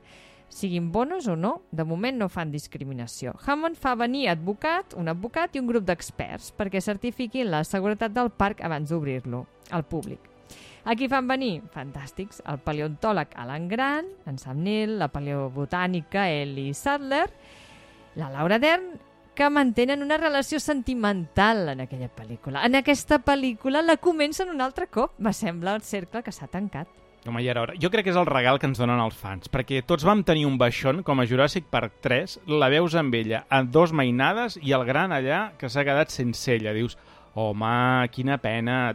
Jo me'ls imaginava junts. I aquí crec que ens han donat, els fans, eh, el que en aquell moment no ens van donar. És a dir, que tornin a ser parella, no? I amb això juguen tota la pel·lícula. I li diu un sí, l'Alan Grant, al final, que no te l'esperaves. Vindràs, jo pensava, pensava que potser podries venir amb mi. Sí que hi vindré. Oh, doncs ja està. Home, és que quan l'altre li diu mira, és que m'he divorciat, és com que ja li està dient sí, Bueno, tu però- Ja li vols. brillen els ullets, eh, la però- Gran. Diu, ah, aquí torno a tenir una oportunitat. A- Sí, sí. Agafa el barret i se'l posa en aquell moment. I a- amb aquests dos, qui va més? Doncs el nostre matemàtic preferit, teòric del caos, que és Liam Malcolm, en Jeff Goldblum, que també ens va agradar molt el personatge de Jurassic Park. Els porten de tour pel parc i mentrestant l'empleat Dennis Nedry fa negocis bruts amb un representant de la competència perquè li passi uns embrions clonats de dinosaures. tanca l'electricitat aquest en Nedri del parc perquè no vegin on va i, clar, en apagar-se l'energia. Es desactiva la seguretat del parc, però ell no ho sap. No acaba... No té tots els detalls, en Nedri. I eh, què passa després? Doncs que el mata un Dilophosaurus. Qui mata el dolent de Dominion? El mateix. El mateix. Sí, que, que és I tu estàs que... esperant que obri aquella Ah, exacte. mampara i que li Mhm. escupi el verí. I més un, un actor molt gras, molt gras, que recorda l'actor Home, gras... tant. En Nedri, aquest. Aquest, en Nedri. En Nedri. Me recorda molt, Sí, només li ha faltat que li posessin el... el Donut. El donut de... Anava a dir el paravents. Val, també. El paravents. De fet, recordem que en aquesta, en Dogson aquest s'emporta el... O, o com a mi em fa la sensació, jo crec que l'agafa el pot aquell per tenir embrions de dinosaures que Mm. tenia en Nedri, també. Sí que fa la sensació que porta un malatí amb, no? amb coses... Sí, però hi ha un moment, Sí, de sí. fet, el pot hi ha un moment que es veu i jo juraria que, que l'agafa, que dius, hòstia, en 20 anys segur que han inventat alguna millor per De portar. fet, en en Ranci li diu no passa res, eh, es pot començar de nou, no? Li diu alguna així, en Mm. un altre lloc. Eh, Sí, és sí. escena calcada eh, al final de la primera... Bueno, al final, en el tros d'en de la primera Jurassic Park. Eh, Exactament. Tornem a Jurassic Park. El sistema de seguretat, ja ho hem dit, no funciona. Què ha passat? Els dinosaures s'han escapat de les seves gàbies. Alguns són més pacífics. Els vegetarians són més pacífics, però els carnívors no ho són. I aquests són els perillosos. És de nit i plou. Eh, que és de nit a Dominion també és de nit i... Eh, també és de nit. Quan veiem els dinosaures, moltes vegades és de nit, És de eh? nit. És una cosa que també potser m'ha estalviat per aquí una mica. Ah, sí, sí. El grup d'experts és atacat per un Tyrannosaurus rex, el gran Tyrannosaurus rex, que després els nens tots volen i es disfressen de Tyrannosaurus rex. A veure, no pots evitar que se't posi la pell de gallina quan el veus a la pel·lícula. No, No, pots evitar-ho. Clar. I sobretot al final, no? La lluita al final és pell de gallina. Però bé, ja arribarem. Què passa? Que um, el grup es divideix, us sona? es divideix. Per un cantó tenim en l'Alan Grant amb, en, amb l'Ex i amb l'Alex i en Tim, els nets d'en Hammond, que és una gran aportació, sobretot quan un s'electrocuta. Mira que els, he, Aquella- els he trobat a faltar, eh? Home, Aquí i pensava tant, dir que que... els hem trobat a faltar. Som, eh, Clar, bueno, dir tant d'homenatge, tant de recuperar, Sí. i m'han faltat els nens, tu. Sí. L'Alan Grant es queda amb els nens, malgrat les poques habilitats parentals que té, i en la fugida troba uns ous de dinosaure. Així que els dinos sí que han trobat la manera de reproduir-se a Jurassic Park. L'han trobada? A Dominion? Sí que l'han trobada, perquè la Blue ha set mare de la Beta. Hi ha paral·lelismes, eh? Hmm. Però ha fet bé els deures, trobo, en Trevorrow. Ho ha fet molt bé. No, no, sí, sí. S'ha empapat de la pel·lícula original de dalt a baix. La causa, doncs mira, que l'ADN de granota que eh, fa que es, les granotes canvien de sexe, una part de l'any canvia de sexe, i llavors es poden emparellar entre si. Abans eres mascle, ara sóc femella. Bueno, i es troben i s'emparellen, i per això ha passat que alguns dinosaures han començat a procrear. En fi, quin altre paral·lelisme de procreació d'única línia, diguéssim, hi ha Dominion? La Charlotte Lockwood ha pogut ser mare ella mateixa d'una manera única, sense la intervenció d'un mascle, d'una nena que és igual que ella, però no ben bé. I aquí està la clau, una clau que, que després passa molt desapercebuda, trobo jo, per, eh, diguéssim, tirar enrere l'error del doctor Wu de modificar genèticament les llagostes. I és que la mm, Charlotte Lockwood, que tothom coincideix que era una científica brillant, però tenia una malaltia congènita que la va fer morir abans d'hora. Aquesta malaltia congènita també la tindrà la Maisie Lockwood, però ella li insereix un virus eh, que avui dia ja està vist que hi ha virus que poden atacar certes cèl·lules malignes i revertir o modificar aquella malaltia perquè ella no després no faci, no, no denoti la, la malaltia que la podria portar un altre, bueno, a la mort com la seva mare clònica. I aquí hi ha aquesta mena de colabrot en què la nena, sort que no s'hi recrea molt, vol buscar els seus orígens. que és normal. Uh, llavors, ja aquí estem amb l'Alan Gran i els nens, que fan molta gràcia perquè l'Alan Gran és molt maldestre, i llavors hi ha l'altre grup, que hi ha l'Eli, en Hammond i en Malcolm, que miren plànols del parc. Us sona de nou, eh? Miren plànols del parc per veure com arribar a la central d'energia per tornar a reactivar l'energia primària perquè el sistema de seguretat es torni a activar i així els puguin tancar els dinosaures. A tot això, el T-Rex ja ha fet de les seves. Ha atacat a l'Alan Gran i en els nens en l'equip que estaven fent el tour, ha volcat el jeep, us sona també que ha volcat el jeep? També es volca el jeep a Dominion, però m'ha agradat molt aquesta escena, eh? M'agrada perquè aquella em va agradar. I sobretot me va agradar molt quan el got vibrava, el got d'aigua, no? Quan vibrava ja se sentia que era el T-Rex que s'acostava. Jo crec que aquí ens ha faltat això, aquests precedents sonors, aquesta intriga, aquesta mal de panxa d'abans, que aquí tot està com molt donat, molt mastegat. Ja saps el que passarà, trobo jo, a Dominion, eh? En fi, uh, miren aquests plànols per restablir el sistema d'electricitat i fer que els animals tornin a les gàbies. En aquest intent, l'equip pateix baixes, com l'advocat Donald eh, Gennaro, que és cruspit mentre feia les seves necessitats per un T-Rex en un vàter enmig de, del parc de la selva i també mor un enginyer i un vigilant. Hi ha baixes, baixes mm. col·laterals, però, aquí però també. escolteu-me, aquí, a Jurassic World Dominion, hi ha moltes més baixes, perquè a l'inici de la pel·lícula ens diuen que en el que portem d'any han mort 37 persones per urpades o queixalades de dinosaures o per accidents que provoquen els pterosaures o els quetzalcoatlus que volen impunament pels aires i aquests, eh, jo crec que són pterosaures, potser m'equivoco, eh, dinosaures que volen, que fan nius a les torres, als edificis, no? als gratacels, com unes cigonyes és, dius, però són molt grossos per estar aquí dalt. En fi, que mm, a més, a més, a més de tot això, a Dominion hi ha una plaga de llagostes de la mida d'una rata de camp que arrasen els camps de cereals sencers dels Estats Units, dels estats del sud dels Estats Units, i surt Texas, com si Texas no tingués prou problemes, eh? Però, a més, hi ha aquests. Estan quedant sense cereals. Ja està. Finalment, els dos equips de Jurassic Park es reuneixen. I ens sona, eh? Això. També es reuneixen aquí a Dominion. Estaven separats i es reuneixen.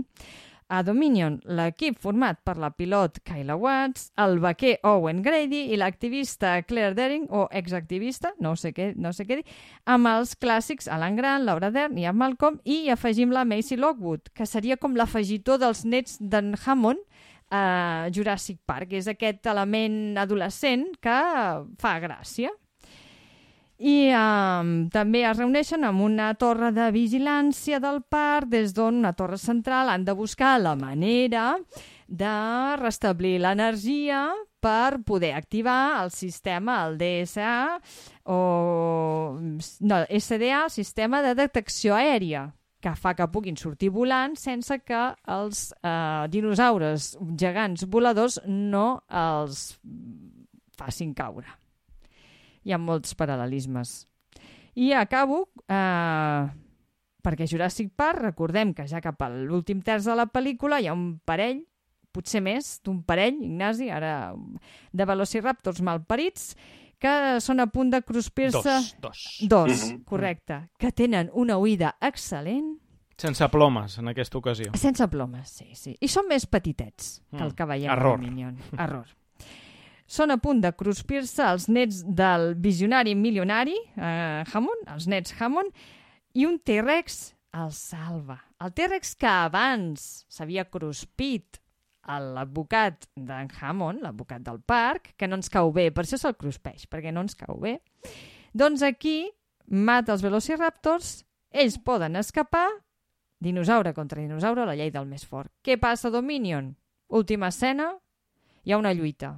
Quins, quins són els que la millor lluita que hi ha en tota la pel·lícula?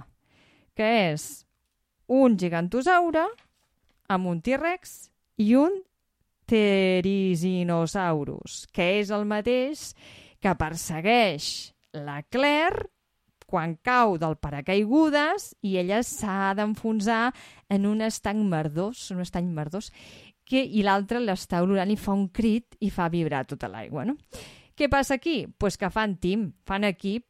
Mm, aquí n'hi han dos que se les tenen i al final el, el Pterizinosaurus i el T-Rex carreguen contra el Gigantosaurus, que diuen que és el dinosaure carnívor més gros de, de l'època cretàcica. Uh -huh.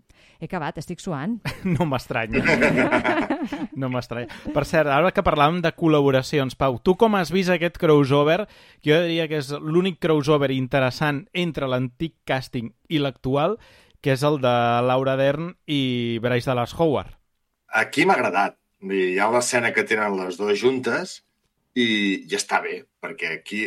Que de fet és el que deies abans, és quan estan soles sense els personatges masculins, que és quan brillen més la, les dues actrius. I per mi és un bon moment aquest. És un moment també una mica entretingut, una mica divertit, que fa una miqueta de, de coseta també, perquè tenim les llagostes per allà enmig, un tema que ja en parlarem, aquest de les llagostes que surten.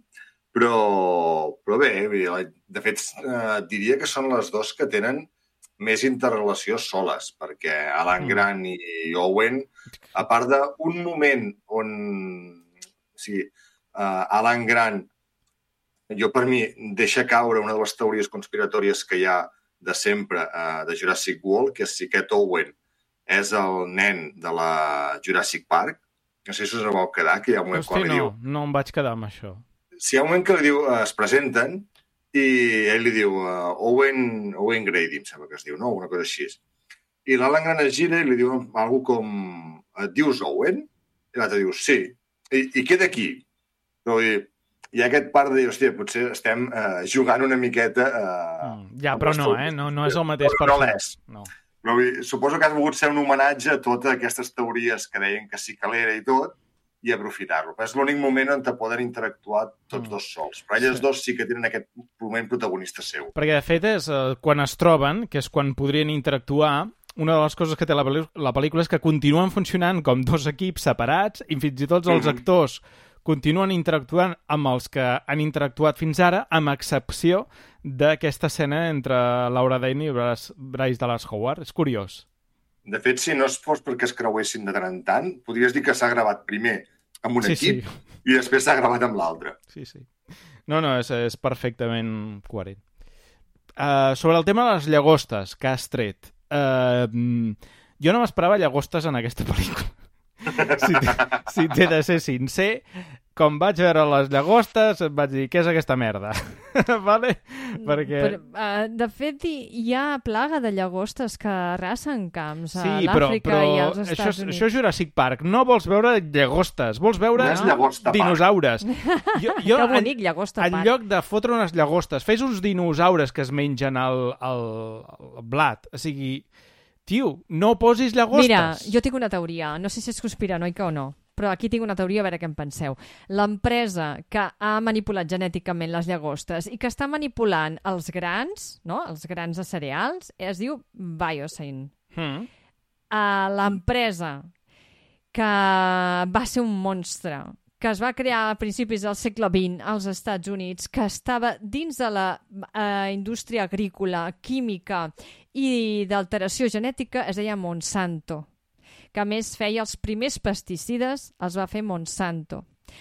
Està activa des de 1900 i escaig fins al 2018, creadora de l'aspirina, creadora de la sacarina. Què, eh, què va passar al 2018? Qui la va comprar? Bayer. Jo crec, de veritat, que és un símil d'empreses que tenim avui dia. No? Sí, sí, t'ho puc comprar. Que també fan alteracions a gra, eh? Vull dir, de Mm. cereal. I Sí. a banda te, te venen els, els pesticides. O sigui, eh? Una Tot mica queda a tot. casa. Tot, tot, tot ho fan, tota la cadena, tot. A mi em va, va recordar moltíssim que l'opinió pública, eh, a Monsanto se li va... Hi ha uh, documentals, eh? Se li va eh, posar a sobre, vull dir que se li va tirar a sobre. Que volies dir alguna Aquí- cosa? Però de- són maques aquestes llagostes, eh? Home, una mica de grima fan, eh? I aquell moment que fàstic. s'encenen com, No, això- val. com llumins a l'aire i van caient. aquí ja vaig, sí, ja no desconnectar del tot, però sí gairebé. O sigui, Aquí rius, no? Una mica, vull dir... no, no, no, jo vaig riure de pena. O sigui, Bueno, tens un sistema de prevenció per acabar amb, uh, amb les llagostes. I no només no te funciona, sinó que, a més a més, la lies, uh, que de cop i volta apareixen centenars de milers de llagostes, que allà, aquelles llagostes allà no hi cabien. O sigui, no hi ha tant d'espai per tanta llagosta. I comencem a tenir com una pluja de meteorits, de llagostes en flames, uh, una escena que és que em vaig posar les mans al cap. és l'aliment del quan- futur. Ja te'l venien amb barbacoa. Es te'l Ja te'l venien venen ja fet, cuinat. sí. Fet. I depèn de com te'l mengis. Si te'l menges tu sol, no passa res, si ets un dinosaure. Però si algú te'l llença a la boca, comences a escopir foc. Eh, O acab- sigui, Acabeu amb les llagostes perquè és una cosa que em fa molt de fàstic. Ah, sí? total, que no té sentit. No hem vingut a veure llagostes aquí, hem vingut a veure Exacte. dinosaures. I veiem més llagostes que dinosaures. Sí, això, m'est- això estic d'acord amb tu, Pau. Prou de llagostes, per favor. O sigui, el tema de les llagostes crec que això ho hauríem d'haver solucionat d'un altre tema i, i D'una això. altra manera, vols sí, dir? Sí, sí, jo què sé, posa algun tipus de dinosaure volador que s'ho menja, però que sigui un dinosaure, no una llagosta, perquè es cre... això és Jurassic eh, Park, Jurassic World, volem veure dinosaures, no volem veure llagostes. Vull dir que... A més a més, amb tot el respecte, o sigui, les llagostes es mengen tot el gra, excepte el que està plantat per, bio, per biocin. Sí, però- biocin. Això ja ho entenc. Ningú lliga caps, o sigui, saps què te vull dir? O sigui, Ja, ja, bueno, ningú se n'adona d'això. suposo, Mm, però tot just... Est... Bueno, sí, Laura Dern, no? Per això és Ja ella sí, que... i prou, ell al seu ritme, però vull dir, Clar. ja meixen, ja control, ja, jo què sé, control d'animals, sanitat, agricultura, Bueno, no no, sé. sí, sí, però no te'n fiïs, eh? Perquè si això estan aquí legals i estan Mm. untant-los... Vull dir que hi ha una trama ha política una- darrere sí, fons sí, que... Sí. Ja, ja, o això, bastant mira. versemblant, bastant No, versemblant. tota aquesta gent, fixa't, és que el que ha fet Biosyn en aquest cas és eh, eh, recaptar tots els millors eh, científics. Aleshores els té a tots treballant per ells, que és una manera de comprar-los perquè no parlin, no? Tens ja en Malcolm, que és el bo i que diu, no, jo parlaré, intentaré doncs, ajudar perquè això surti a la llum. Però fixa't en el pla de l'empresa que és vaig intentar aportar a la comunitat científica a favor meu, no? Vull dir que això ja podria ser, eh, que passés alguna cosa així, ja podria ser. O potser passa i eh, no ens acabem Sí, però resulta que el que és crític està com un llum, no? Una... És el... No, no, al no. final- No, està com un llum. És excèntric, És deixem-ho. Sí, excèntric, és però- excèntric. Però ja ho era, la... això sí que ho ha tingut sempre en Malcolm, eh? És molt bo quan... excèntric. Sí, sí, sí. A mi Mm. ja és bastant coherent. A mi m'agrada quan diu, no, tinc cinc fills, els haig d'alimentar, a qui em paguen bé. Ja. I al final... Doncs no sé si voleu comentar alguna cosa més en la part amb spoilers, perquè jo crec que pràcticament hem comentat el més destacat. De la part sense spoilers també hem comentat algunes escenes que tampoc és Home, molt rellevant a, com... A, a mi aquestes escenes de que en Chris Pratt mostra la seva força i dient, comunicant-se amb la Blue, m'ha recordat a Cocodrilo Dandy, eh? És com... Té un A punt. mi se m'ha fet pesat, eh? Ja ho havíem vist a la- a l'altra Sí. a pel·lícula. Podien Aquí haver avançat, molt no? del- Podien haver avançat Exacte. en la relació entre Owen Grady i la Blue. Jo crec que podien haver avançat. O el recurs aquest de, de la maneta, de frenar el dinosaure i així, eh, una mica val, però potser n'abusem una mica massa, ja. I amb quina escena us quedaríeu de, de la pel·lícula que us hagi agradat? Jo ja m'avanço, ja ho he dit abans, eh? és la del final, per mi la lluita entre els tres dinosaures, no? Finalment el, el T-Rex carregant-se el gigantosaure i amb l'altre dinosaure que sembla Eduardo Manos Tijeras, no? amb aquelles urpes tan enormes que té, a, a mi m'ha agradat molt. Necessitava més moments com aquest, però bé, és el moment final, és el moment èpic i, i el compro, no? I el petó també entre Gran i Ellie també us el compro, eh? És, eh, està molt bé, està molt bé. Que jo em quedaria amb el moment d'aquell raptor que parlava la, la Marta, que, que neda, l'escena aquella del glaç. A mi m'ha agradat. Jo necessitava més escenes com aquestes, eh, estil els dos raptors a la cuina perseguint els nens. Doncs aquí tenim un raptor diferent eh, acusant i, i perseguint eh, el protagonista. I aquella escena m'ha agradat. Clar, és que ens quedem amb les escenes de dinosaure, i jo també. No, clar. Clar, És que i a clar. mi m'agrada l'escena quan Uh, ostres, no us veu... A mi em va agradar molt la, la Claire Deering, la Bryce Dallas Howard, que, surt, que s'ha de sortir disparada, no? Ejectar del, de l'avió perquè estan caient... Top Gun, Top Gun. Top Gun.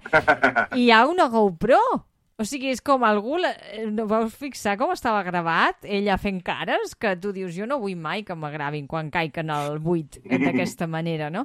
I, i clar, passa un quadlus d'aquests enorme, li esquinça en un moment el paracaigudes, cosa que era molt previsible, i acaba penjada tampoc podia estimbar-se ni trencar-se les cames dels arbres de la selva, no? I llavors eh, li passa eh, aquest, eh, que en- té un nom, que és aquest que tu has dit, Ignasi, d'Eduard eh, Mans Sí. Tisores, aquest El Terizinosaurus, Feriginosaurus. que li passa pel cantó però no la veu.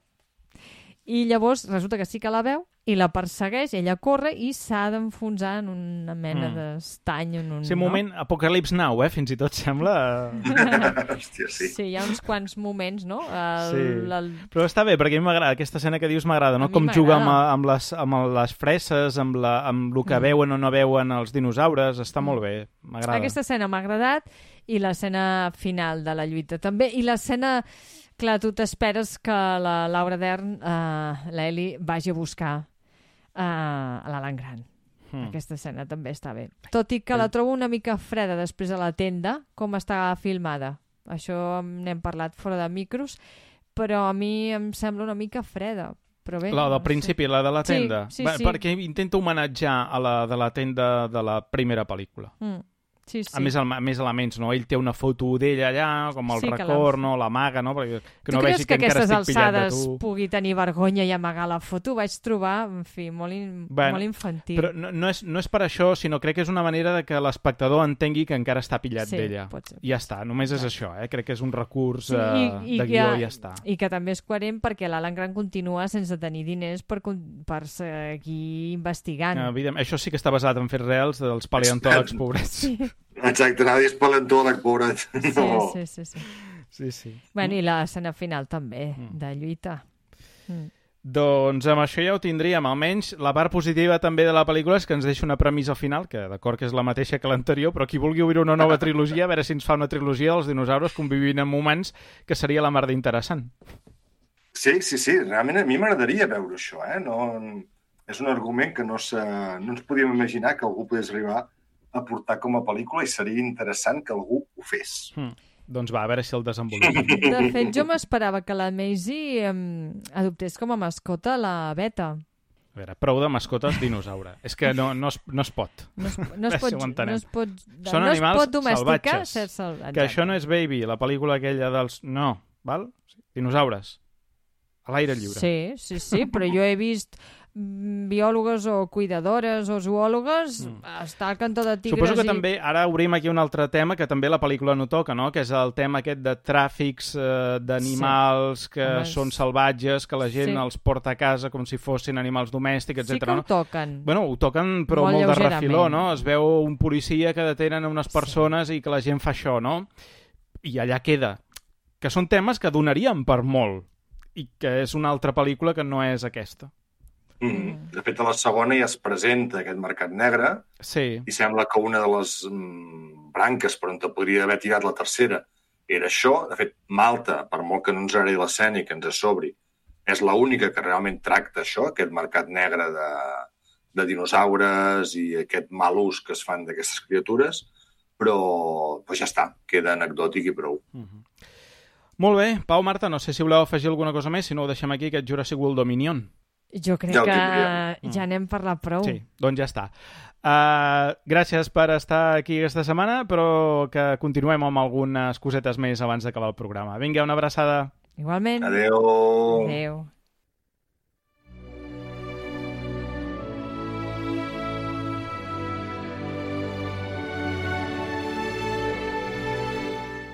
Apúrate, Frodo Bolsón. El ningú no es perfecta. Es como un mago. Nunca llega tarde, ni pronto. Llega exactamente cuando se lo propone.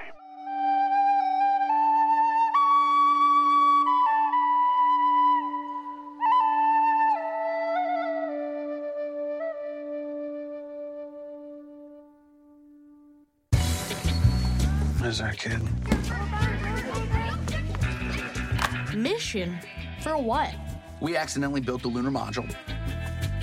A little too small. How'd that happen? Listen, are you good at math? Yeah. Did you get a perfect 100 on every test? I avui portem ressenya, pel·lícula estrenada a Netflix, que és Apolo 10 i mig, una infància espacial. Per comentar-la tenim a la Marta Sanz. Marta, què tal? Hola, què tal? Molt bé. Doncs va, anem a parlar d'aquesta pel·lícula d'animació dirigida per Richard Linklater, eh, realitzador, per exemple, de Boyhood, que ja és un director que ens té acostumats a fer una mirada nostàlgica en el seu passat. De fet, ja té diverses pel·lícules en aquest sentit, tot i que abarquen una edat ja més tirant a l'adolescència o de l'adolescència a l'edat adulta, que són Movida del 76 i Todos queremos algo. Però aquest cop el director va una mica més enrere, retrocedeix a la seva infantesa, concretament als anys 60, i si ens posem més fins encara, al 1969, concretament com a eix central, l'arribada de l'home a la Lluna. Una mica li serveix d'excusa per parlar de la família i per fer un retrat d'una època. En aquest cas, ja explicarem també els motius, mm, prescindeix dels actors en carn i ossos, la pel·lícula és d'animació, no és la primera vegada que Linklater eh, juga amb animació, ara en parlarem també, i li ha sortit una pel·lícula rodona. No sé, Marta, a veure, a tu què t'ha semblat? Doncs a, a mi m'ha agradat molt. És nostàlgica, però tampoc s'hi recrea massa, cosa que li agraeixo. I uh, fa un retrat bastant força fidel de, de la família als 60, finals dels 60, del context polític, d'un barri que està a Houston, a Texas, a prop del llançament no? de l'estació de la NASA, i de tot allò que ens hem oblidat, no? Del tabac, on es, com es fumava, eh, de l'educació, com, no? com ens tractaven les mares, els pares que no hi eren, eh, les esperances... Eh, no ho sé, sí que és això, és els nen doncs, i, i els seus somnis i, i tothom esperant aquest llançament, no? De l'Apolo Mm. 11, eh? No de la... No, el, el 10 i mig, ara, explicarem perquè... Eh, el 10 és... i mig m'ha recordat com Sí. a Harry Potter la, Ah, la, l'estació de tren, no? Sí. Que... Bé, això del 10 i mig és una mica una... una... A veure, és, és, és una excusa que, que té la pel·lícula perquè, de fet, eh, la trama, tot i que comença així, no? És a dir, abans de l'Apolo 11 representa que va existir l'Apolo 10 i mig, que era per fer una prova de que quan es llancés l'11 i, anés cap a la Lluna, tot anés bé. Aleshores, aquestes proves s'havien de fer fora de l'entorn mediàtic eh, per assegurar-se que quan posessin les càmeres tot ja s'havia provat abans i el que fa la NASA és va a una escola i busquen un nen, un, un bon estudiant i decideixen enviar-lo a la Lluna. El que passa que la pel·lícula no se centra en això, és a dir, això és una premissa i queda aquí, que aquí una mica també juga amb l'espectador que això no deixa de ser res més que una imaginació possible d'aquest nen o potser una realitat. Tampoc eh, s'acaba de mullar en aquest sentit la pel·lícula.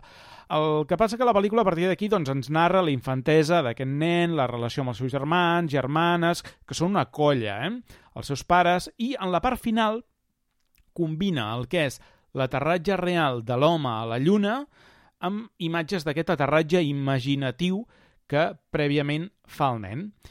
L'acció transcorre en la casa familiar, que és a Houston, molt a prop de la NASA, i ara, bé, tu ho explicaves una mica, Marta, eh, és on vivia el personal que treballava a la NASA eh, en els anys 60 que es van construir aquelles cases, perquè bé, no ho hem dit, però el pare del nen, o el pare del que vindria a ser l'alter ego infantil de Richard Linklater, treballava per, per la NASA. No sabem exactament quina feina, eh? però pinta comptable, no era pas un astronauta. No, i, a, i a, això és motiu també de conversa en la pel·lícula i de, i de debat entre els fills, no? Perquè l'Stan, que és el nostre protagonista, eh, creu que el seu pare no té una posició digna dins de la NASA, que no és ningú, i la mare sempre intenta posar-hi valor, no? És que sense el teu pare i els números que fa no funcionaria res, no? I, i bé, és aquesta figura que teníem del pare quan ets més petit, perquè l'estanque deu tenir 12 anys, Sí, O 13? me- Sí, no, 13, sí, més o menys, sí. i clar, ell no ho veu prou, no? I quan admires el teu pare i creus que, ostres, que vius allà al costat de la NASA i que el veí És uh, no, un enginyer uh, astroespacial i l'altre és tal i, i el teu pare no, és un oficinista, no? I el pare també em fa molta gràcia perquè se les dona, vull dir que intenta davant dels fills, no?, de la família mm, donar-se-les de- d'algú més que no pas un, Mm. un administratiu de la NASA, Sí. que també és important, no? Sí, Ser-ho. però tampoc queda que massa clar la feina que fa, eh? B- No. Bé. No, a més està en un despatx ampli i sol, Sí. molt solitari la feina que Mm. fa. Bé, en tot cas, enca encara no havia dit que m'havia semblat a mi la pel·lícula. A mi m'ha semblat magnífica. O sigui, jo ja, ja la situo amb una de les millors de l'any, eh?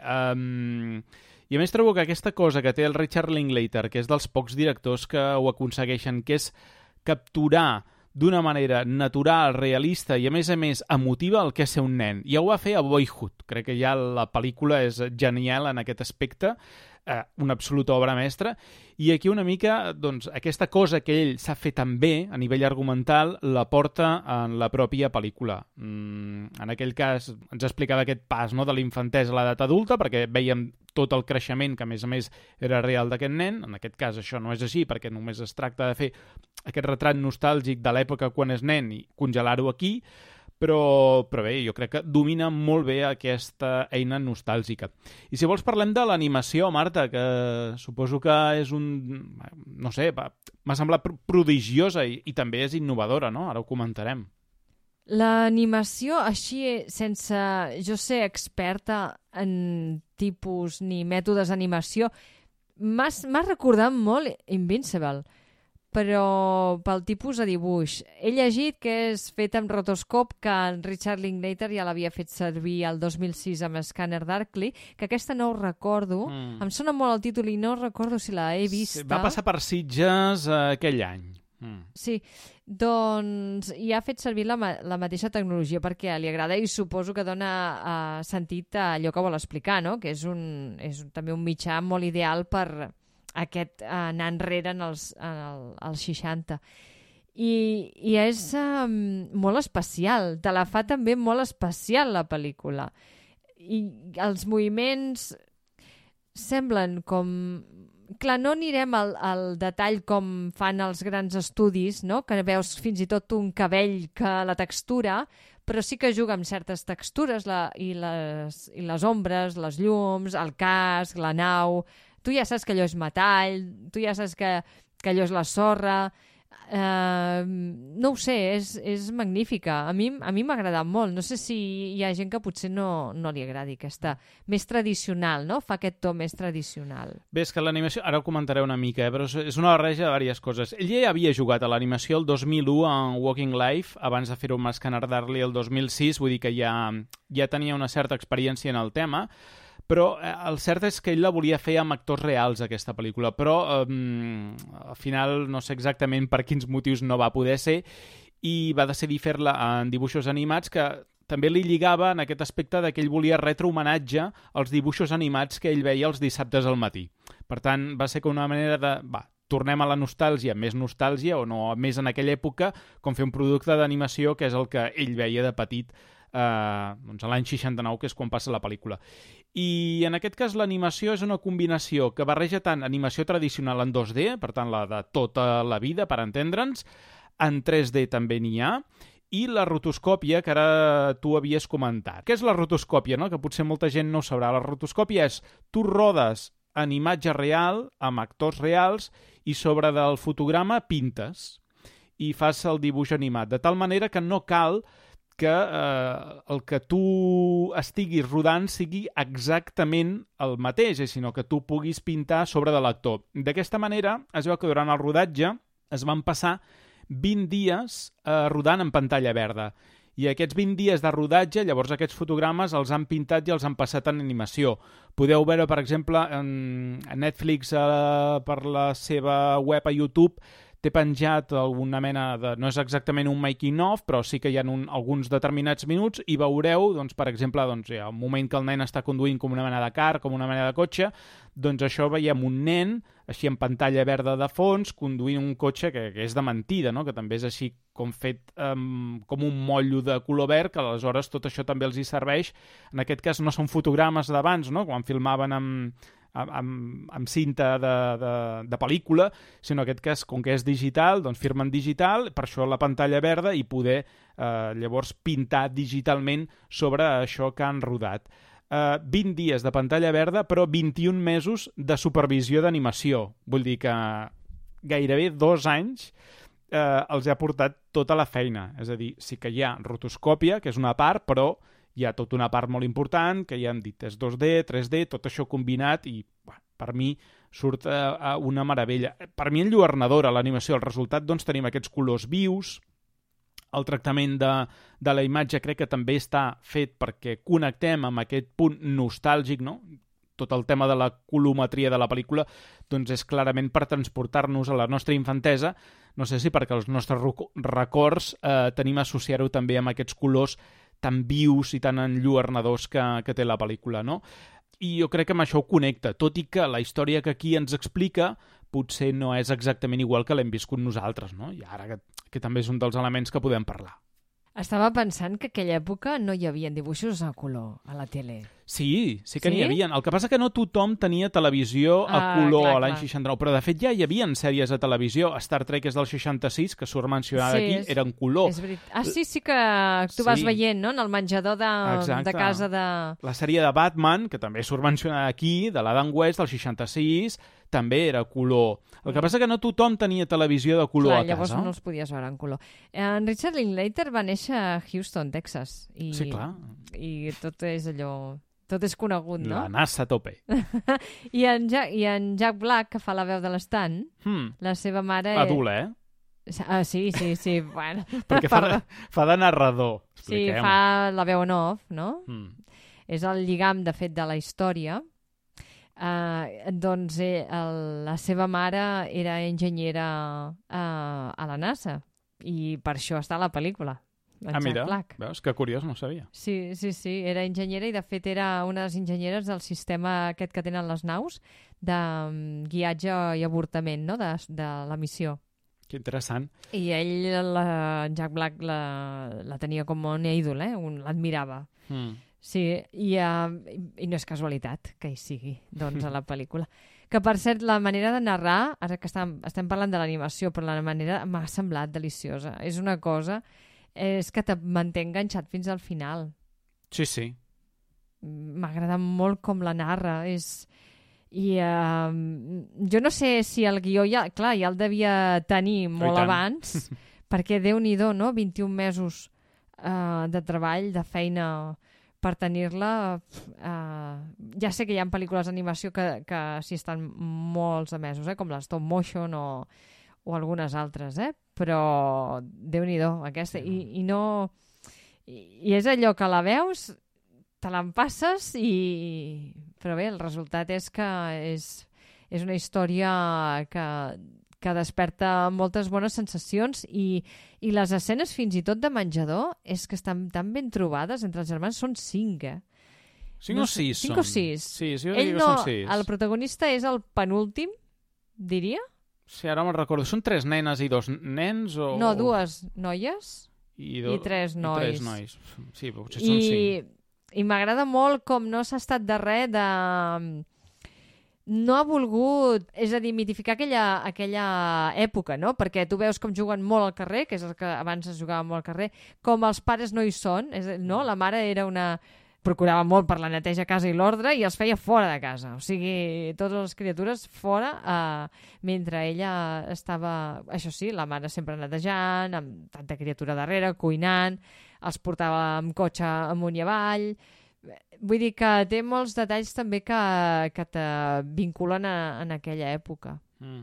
Sí, com els referents culturals que de fet, són tots molt locals, propis de la zona, no? Perquè veiem aquell parc Ah, d'atraccions... sí, que és l'Astro World, aquellò? Sí, però això és un parc que no sé si ja... No crec que encara No existeixi, però, però era així, tal com el veiem a, a aquella època, no? I tot el que envolta la NASA, no? Uh, L'autocinema en el que van Ah, els... sí. sí, vull dir, tots aquests... Sí, sí, que van tots plegats, però els nanos més grans se'n van Mm. a un altre Sí. lloc a veure un altre, un altre tipus de pel·lícula, no? A veure, són elements, si tu vols, que són universals, que sí que és cert que són de la infantesa del, del protagonista, però que crec que tots ens hi podem sentir vinculats, no? I també jo crec que amb això et toca una mica o et fa rememorar la teva pròpia. Que, Sí, i- sí, tot que- i que no és la mate... no vam néixer... No, no és el mateix. Però jo, per exemple, quan ell recorda els gelats, et fa pensar en els gelats que tu menjaves de petit, Home, no? aquells gelats de gel que et quedava la llengua enganxada, Hmm. això és així.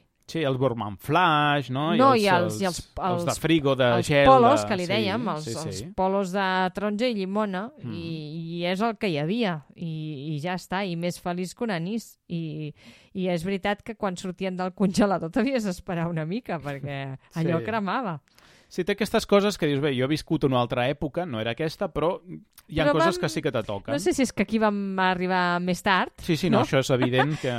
però jo pensava, però si això ho he viscut jo, Mm. però si això també ho he viscut jo, i, i anar sense cinturó al cotxe, i, i, i anar més del compte, i, no? I Mm. aquestes coses. Bueno, sí, els sí. jocs del pati de l'escola, no? També, També. com que tot era analògic, doncs... eh, Ara, el càstig aquest, tan curiós, del professor, aquest càstig, eh, que els fa anar a la paret eh, estan al pati i si algú Sí. no s'ha portat bé va, fa una rodoneta al nas Sí, sí, i sí, t'has de està quedar bé, de està bé. puntetes. Mola, mola. Eh? Home, no sé si mola, la veritat. De cara No. a la paret sí que ens havíem posat, eh? Bueno, però mola Però- per, perquè el nano és molt enginyós i troba el Ah, bé, sistema sí. per... eh, Sí, sí, bé, això. sí, Quan sí. veieu la pel·lícula ja, ja, Però ja aquests, ho tots veureu. aquests detalls, Sí. bé, és el que dèiem, no? que, que l'Inglater té aquesta capacitat de rememorar o de Mm. recollir i no sé si és que fa preguntes a, a la gent del seu voltant, però té molt de detall eh, i clar, ens fa també recordar nosaltres. Sí.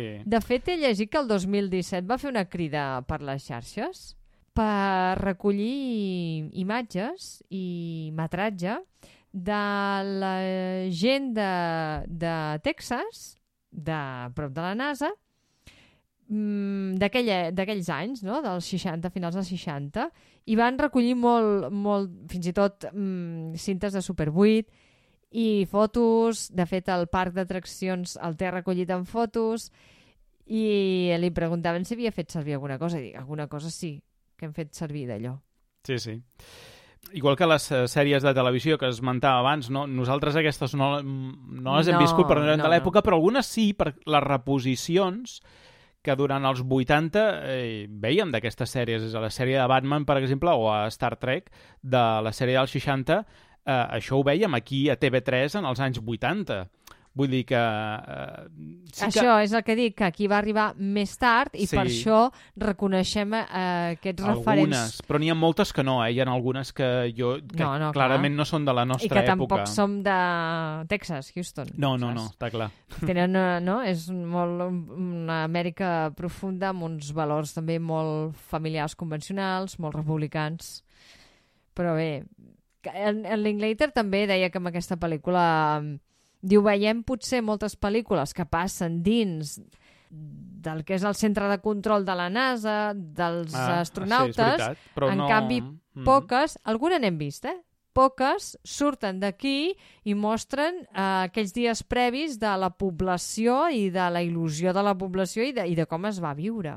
La, lluna, la llunatge, es diu? Sí, sí, sí, perquè està, està molt bé. O sigui, la manera com retrata com la gent, o la família en aquest cas, o sigui, els dies abans, no? Perquè durant els dies abans la gent està esperant a veure si arriben i no sé què, i llavors arriba el dia de l'aterratge i allò es va allargant hores i els nanos han d'anar a dormir i...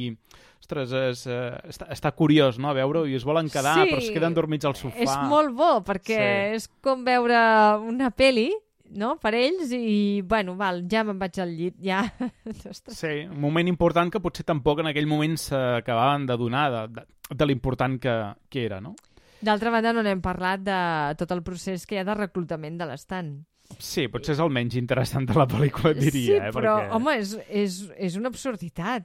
Sí, jo crec que això és part de la, Sí, és... la seva fantasia. I... Eh, Sí, perquè el, el director deia que a la seva època, quan estava, suposo, els, el que aquí seria els primers cursos de l'institut, els nanos volien ser astronautes, clar, Mm. mm. si més no per, per proximitat, no? I, I és un somni d'aquests fets realitat que ha fet en animació. Mhm. Bé, pel·lícula, ja hem dit que s'ha estrenat a Netflix, no ha arribat en cinemes. A vegades, si voleu veure bon cinema, no fa falta que sortiu de casa. Estem en aquesta època que per veure bones pel·lícules.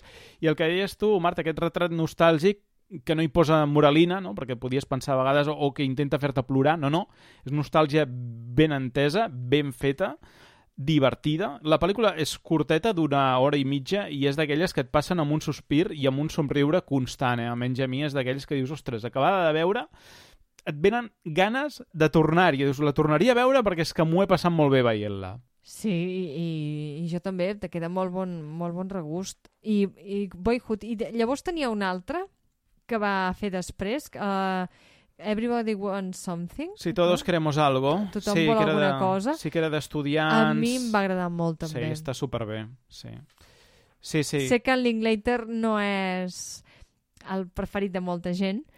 Es veu que Boyhood mm, hi ha gent que la detesta. Suposo que li deu despertar coses que no li agraden. No sé per què, a mi em sembla una obra mestra de pel·lícula, però bé. A més, molts Mm. anys va trigar Sí, sí. a Bueno, I tenim la, la trilogia d'Antes de l'Amanecer, no? que també és, També. és seva. És seva, sí. Mm. I- Per mi no seria...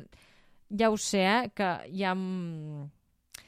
A veure, a veure què diem, a veure què diem. No, no entrarem ara No en el soc- debat, eh? No ja soc, t'he dit. no soc la fan d'aquesta trilogia, eh, m'agraden els actors principals, parlen molt, parlen molt, a Sí, vegades és el que té, ma- és el massa, que té.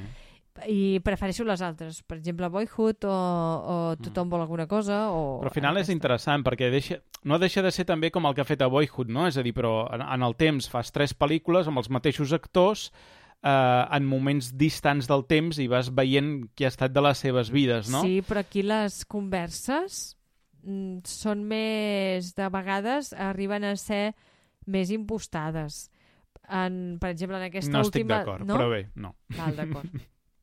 Hauré de tornar... Això que les, les he... Crec que les he re, remirat. Les he, hauré de tornar. Com a Mm. Potser és que mínim no acabes de primera. connectar amb els Pot personatges. ser, pot ser. Sí que no acabi de connectar amb els seus anels ni... Però jo crec que una de les coses que té Linklater sempre són els diàlegs que estan molt i molt bé. Si no, si els diàlegs estan bé, però així com a, a la pel·lícula aquesta Apolo 1 i mig, eh, ai, 10 i mig, trobo que, que són molt versemblants i que deixa respirar i que retrata uns personatges que ens els podríem trobar en la vida real. Els altres em semblen més fantasiosos. Només és això. Bé, Però jo... potser m'equivoco. Per mi no, eh? Però bé, és la... Ja, l'hauré de tornar a remirar. Les tres, les tres. trilogia. Una darrere l'altra. Crec que ja ho he fet, eh? Doncs Diria. mira. Hauré de tornar-ho a fer.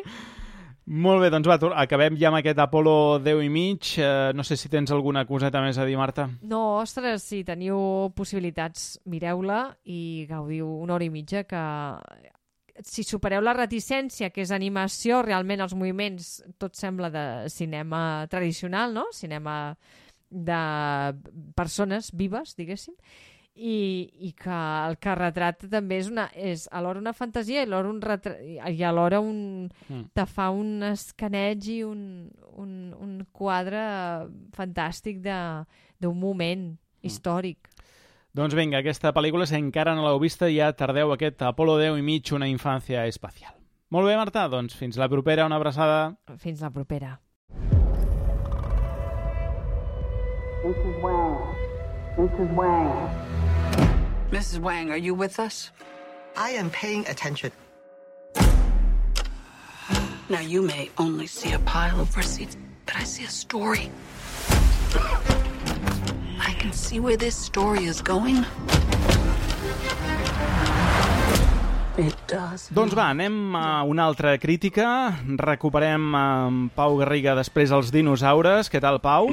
Bé, aquí seguim amb ganes de seguir parlant de cine. Doncs eh, anem per una pel·lícula que també s'estrenava aquesta setmana, que és Todo a la vez en todas partes, dirigida per als que són coneguts com els Daniels, que no són germans, eh? Daniel és el nom de cadascun d'ells, que són dos directors, van fer una pel·lícula junts que es deia Swiss Army Man, han fet alguna altra cosa per separat, i aquesta és la segona pel·lícula que fan junts. Recordem que aquella era la del cadàver flatulent que interpretava Daniel Radcliffe i aquesta és la seva doncs, segona pel·lícula eh, molt excessiva, jo crec, tant per bé com per malament. No sé si...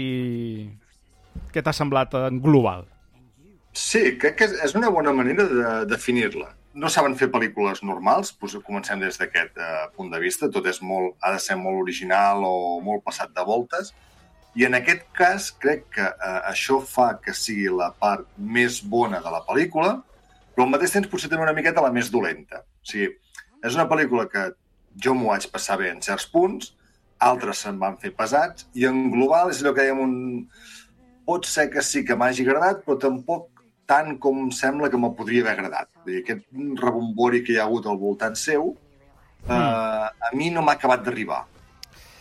Sí, jo, jo estic bastant d'acord, eh? en aquest cas, vull dir, coincideixo bastant. Explica una mica la trama així mm, ràpidament. Eh, avui en dia que tenim doncs, la paraula multivers, que tots sabeu de què va, jo crec que no, en aquest cas doncs, no cal explicar res més. Aquí explota el tema del multivers i crec que barreja també amb alguna cosa de Matrix, no?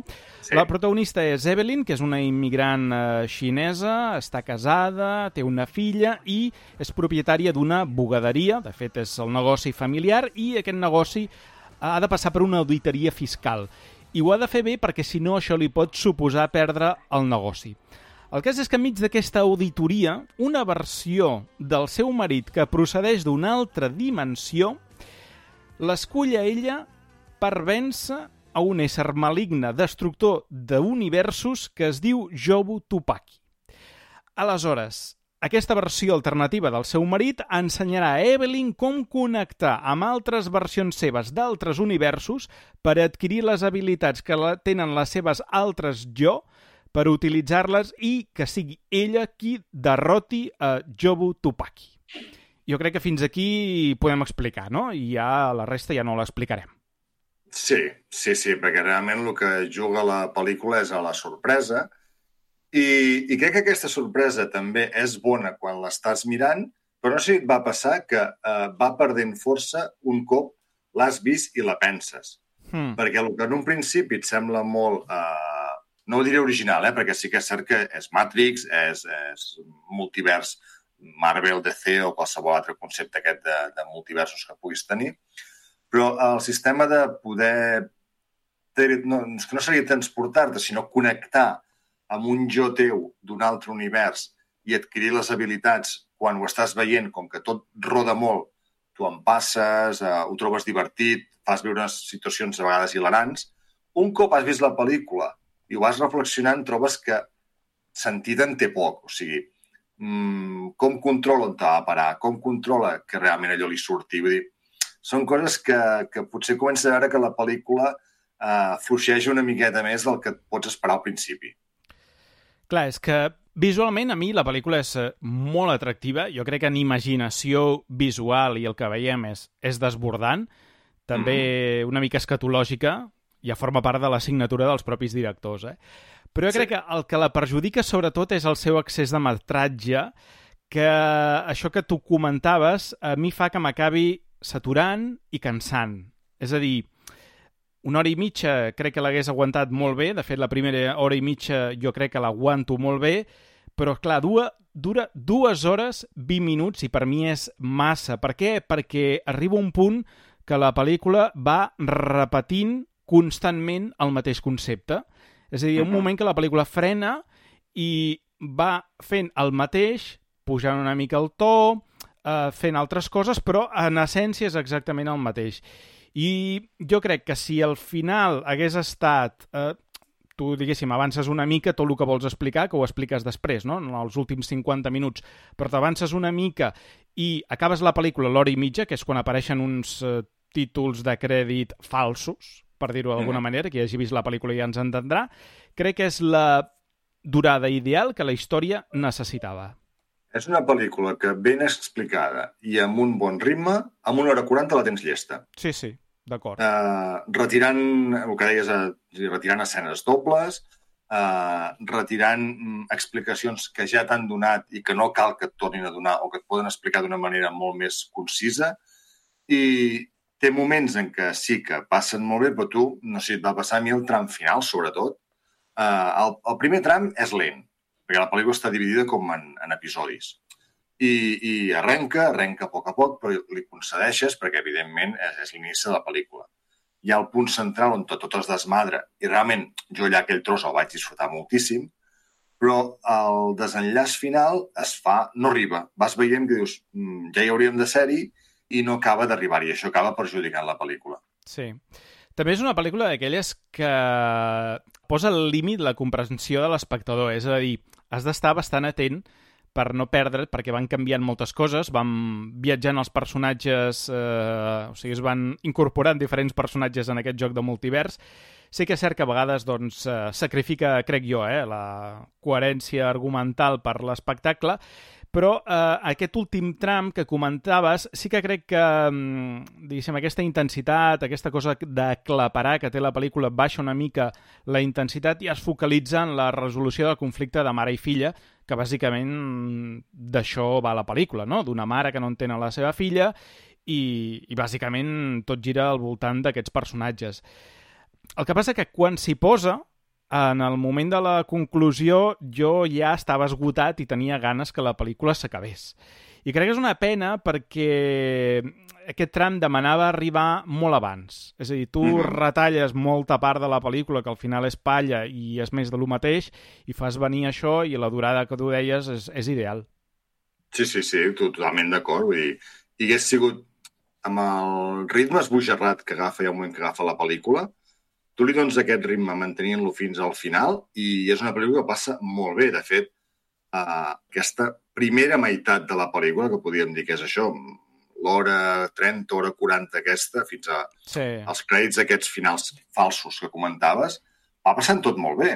O sigui, rius, eh, tot, va, tot corre molt, molt bé. Sí que és cert que hi ha un moment que dius va, ja podrem anar avançant i això ho acaba patint la peli, però després ja tot es frena i tot eh, cansa. Tot i això reconec que jo eh, m'ho he passat bé i és arriscada, perquè és una pel·lícula mm. que o hi entres o realment se't farà extremadament pesada. Sí.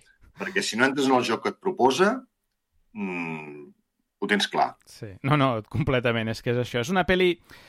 O sigui, les arts marcials també és el gran referent, és a dir, t'han d'agradar també les arts marcials perquè t'agradi aquesta pel·lícula.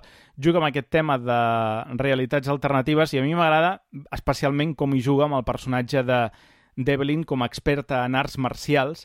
O sigui, quan juguen als diferents universos i veiem les diferents versions del personatge, m'agraden especialment la de l'entrenament, que és una mica Kill Bill, Sí, per dir-ho d'alguna manera. I l'altre és eh, que juga amb la pròpia Michelle Yeoh com a actriu, que fins i tot Mhm. jo diria que fa servir imatges d'arxiu de Michelle Yeoh. Vull dir No, que... sí, segur, segur. Hi ha, un, hi ha un moment en què jo, sa- veus que allò és una imatge de, de veritat, d'algun rodatge Sí. seu o d'alguna catifa vermella. Sí. I, de fet, també, a l'hora de buscar referents en la direcció, jo crec que les germanes Wachowski és eh, un referent claríssim en aquesta pel·lícula. Mhm. Bogeries com aquestes que la que fa el Michel Gondry crec que també hi tenen a veure. I n'hi ha una, aquella del carreró, que és tot... O sigui, Wong Kar Wai eh, total. A banda de Mhm. Pixar, que també hi ha una referència a Pixar, que no la direm, però per mi és el gag de la pel·lícula. A més a més, és un gag que al principi no entens, fins que després l'acabes entenent. O sigui, és un joc que al principi, no sé, et va passar, a mi em va semblar, és una tonteria, i s'acaba es- esdevinguent un gag que fa molta més gràcia que, que la simple tonteria. Sí, sí, sí. A mi a mi m'ha agradat, eh? tant el gag com, eh, com es desenvolupa com a història alternativa també, tota la història aquesta... Bueno, deixem-ho del xef, la gent Sí, ja, sí, sí. ja entendrà. Uh, m'ha agradat. És una de les coses que més m'ha agradat de la pel·li. També he trobat un homenatge uh, una mica uh, a Jackie Chan, uh, Sí. l'escena que protagonitza uh, en Kei Kwan, uh, el de la Rosemary, Sí. per dir-ho així. Sí, Allò és pur Jackie Chan. sí, Sí. sí. sí. Clar, ara que hem dit això, va, traiem el tema del cast, no? que jo suposo que uh, gran part de que això sigui un èxit és Michelle Yeoh. Sense Michelle Yeoh jo crec que no tindríem pel·lícula, per més cosa que hagin fet els Daniels. eh, jo crec que ella ofereix un espectacle de, com a actriu, eh? és a dir, eh, magistral, està enorme, amb, amb tots els papers que fa, no? o tot el que intenta, tal com la veiem a la pel·lícula, em sembla extraordinària. I, i m'ha sorprès també molt agradablement el Ke Huy Quan, que mm -hmm. bueno, és el tapón d'Indiana Jones al Temple Maleït, en data dels Goonies, que és aquest actor que, de fet, estava retirat en la carrera d'actor, s'havia dedicat els últims 20 anys a treballar darrere la càmera com a coordinador d'acrobàcies i ajudant de direcció. I van ser els Daniels que el van anar a buscar que el volien que sortís del seu retir d'actor per tornar-ho a fer. I no sé si t'ha passat a tu, però a mi l'he trobat un actor molt fresc i que ningú diria que s'ha passat més de 20 anys sense sortir davant de la càmera. Sí, sí, sí, sorprèn molt. A més, el personatge que, que fa, o, o els personatges que fa, tinguent en compte aquest tema de, del multivers, eh, entren molt bé i, i, i són, en petits matisos, té molts, molta diferència entre un i altre, però ella el veus, eh, això que dius, molt fresc, molt deixat anar, com si portés mm, 40 anys seguint actuant i, i molt bé, m'ha passat molt bé. I suposo que una, per tu també, una de les grans sorpreses de, del cast és un dels secundaris de la pel·lícula. Quin d'ells? És... Perquè encara ens hem deixat un parell interessants. Ah, jo, per mi, el millor, amb respecte de la Michelle Yeoh, és Jamie Lee Curtis. Hmm. Sí, sí, fa un paperàs. És, sigui, és d'aquells papers que dius, l'has agafat com a actor per anar-t'ho a passar bé. O sigui, encara que no et paguin, el haguessis fet igual perquè, hòstia, és... No sé, m'ha encantat, m'ha encantat i cada moment que sortia ella en pantalla jo aplaudia gairebé. Sí, és un paper bàsicament de comèdia el que té ella. És mm -hmm. aquesta auditora d'Hisenda i, clar, també fa diferents versions alternatives i algunes que tenen més habilitats que la lluita i d'altres. Veient també tota una sèrie de canvis físics amb el personatge i és el que dius tu, Pau, tens la sensació que ella s'ho ha passat bomba. Sí. De fet, és una sensació que desprèn tota la pel·lícula. Mm. Que tot el càsting eh, ha treballat molt a gust junt i que hi ha hagut mm, molt bona eh, relació o molt bon enteniment eh, entre tots. I això, malgrat que la pel·lícula, que dèiem, eh, té les seves eh, limitacions, es transmet en pantalla i s'agraeix també com a espectador aquesta, aquesta química entre tots els actors. Mm. Un altre dels actors superconeguts que trobareu aquí és el paper de l'avi, que és el mm. James Hong, que aquest és un actor veterà de 93 anys ja té l'home, que si aneu a mirar la seva fitxa IMBD té 453 crèdits com a actor, que això és, és que és brutal. El coneixereu bàsicament per a ser el Lopan de Golpe en la pequeña Xina, però vaja, que ha fet... Quan tocava buscar uh, l'oriental dolent, eh, jo crec que James Hong estava a la llista número 1 de Hollywood perquè aquests 453 crèdits com a actor i MBD no baixen de l'aire. No, no, no, vull dir, té, té carrera i, i és un personatge eh, que déu-n'hi-do el suc que li acaben traient també en la pel·lícula. Sí, sí, sí, molt bo. Però al principi sembla que no hagi fet gaire res, però mm. també veurem les seves versions alternatives. 93 anys, eh? Vull dir que perquè veieu com es mou i aquestes coses. I també tenim a la que fa de filla és Stephanie Hu, que no és una actriu tan coneguda, però que l'hem vist, per exemple, de Marvelous Miss Maisel, doncs, que, que ella també té un, un paper a la sèrie. Mm. És en aquest cas fa el que fa, és que ha comprat amb aquests... Mm. Fins i tot amb Keiyo Kwan, que, que estava retirat, però torna, eh, el seu paper potser és una miqueta més just, però també perquè és una actriu més jove i que encara ha d'anar aprenent. Sí, bueno, escolta, tu, és que clar, és que jo la tinc vista a Miss Maisel i, i no és una actriu tan jove com, com et puguis pensar, perquè aquí sembla com que te la pintin com un adolescent, però clar, uh, Miss Maisel fa un paper d'adult i quan tu ah, mires, sí, eh? sí, quan tu mires l'edat que té, t'asseguro jo que d'adolescent en té ben poc. Vull dir que enganyen moltíssim a l'espectador amb, amb la caracterització d'aquest personatge. Ah, sí, perquè jo no sé quants anys té, eh? Vull dir, però jo no li posava pas més de 20, 21 anys a molt estirar. doncs us repto, eh, oients, que busqueu a IMBD Stephanie, eh, s'escriu així, H-S u, no sé si deu pronunciar Xu o una història d'aquestes, i, i mireu l'edat i flipareu. Uh, no. Sí, sí, són d'aquelles coses extraordinàries. No sé, valoracions final, va, de, de la pel·lícula, d'aquest Everything Everywhere All at Once. Uh, que, a veure, com t'ho diria? Que potser ha agafat més renom del que jo crec que es mereix. Uh, té punts molt bons, té moments molt entretinguts. No és una pel·lícula dels que aniria recomanant, perquè potser hi ha gent que li encantaria i gent que després uh, vindria per dir-me quatre coses.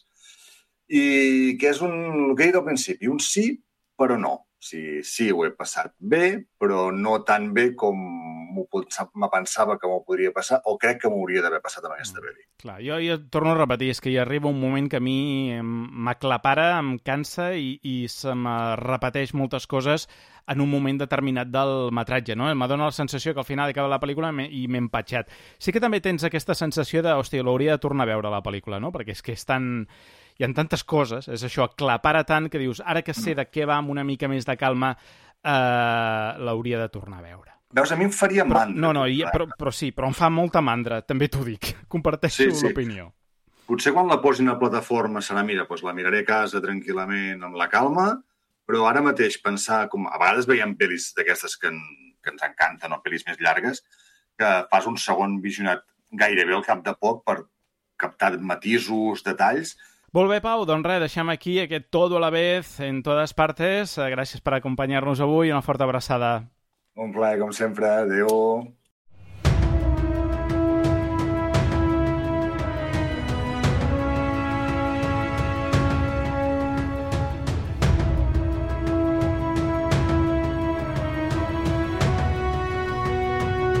I fins aquí el programa d'aquesta setmana. La música que heu escoltat avui pertany a Scott Buckley.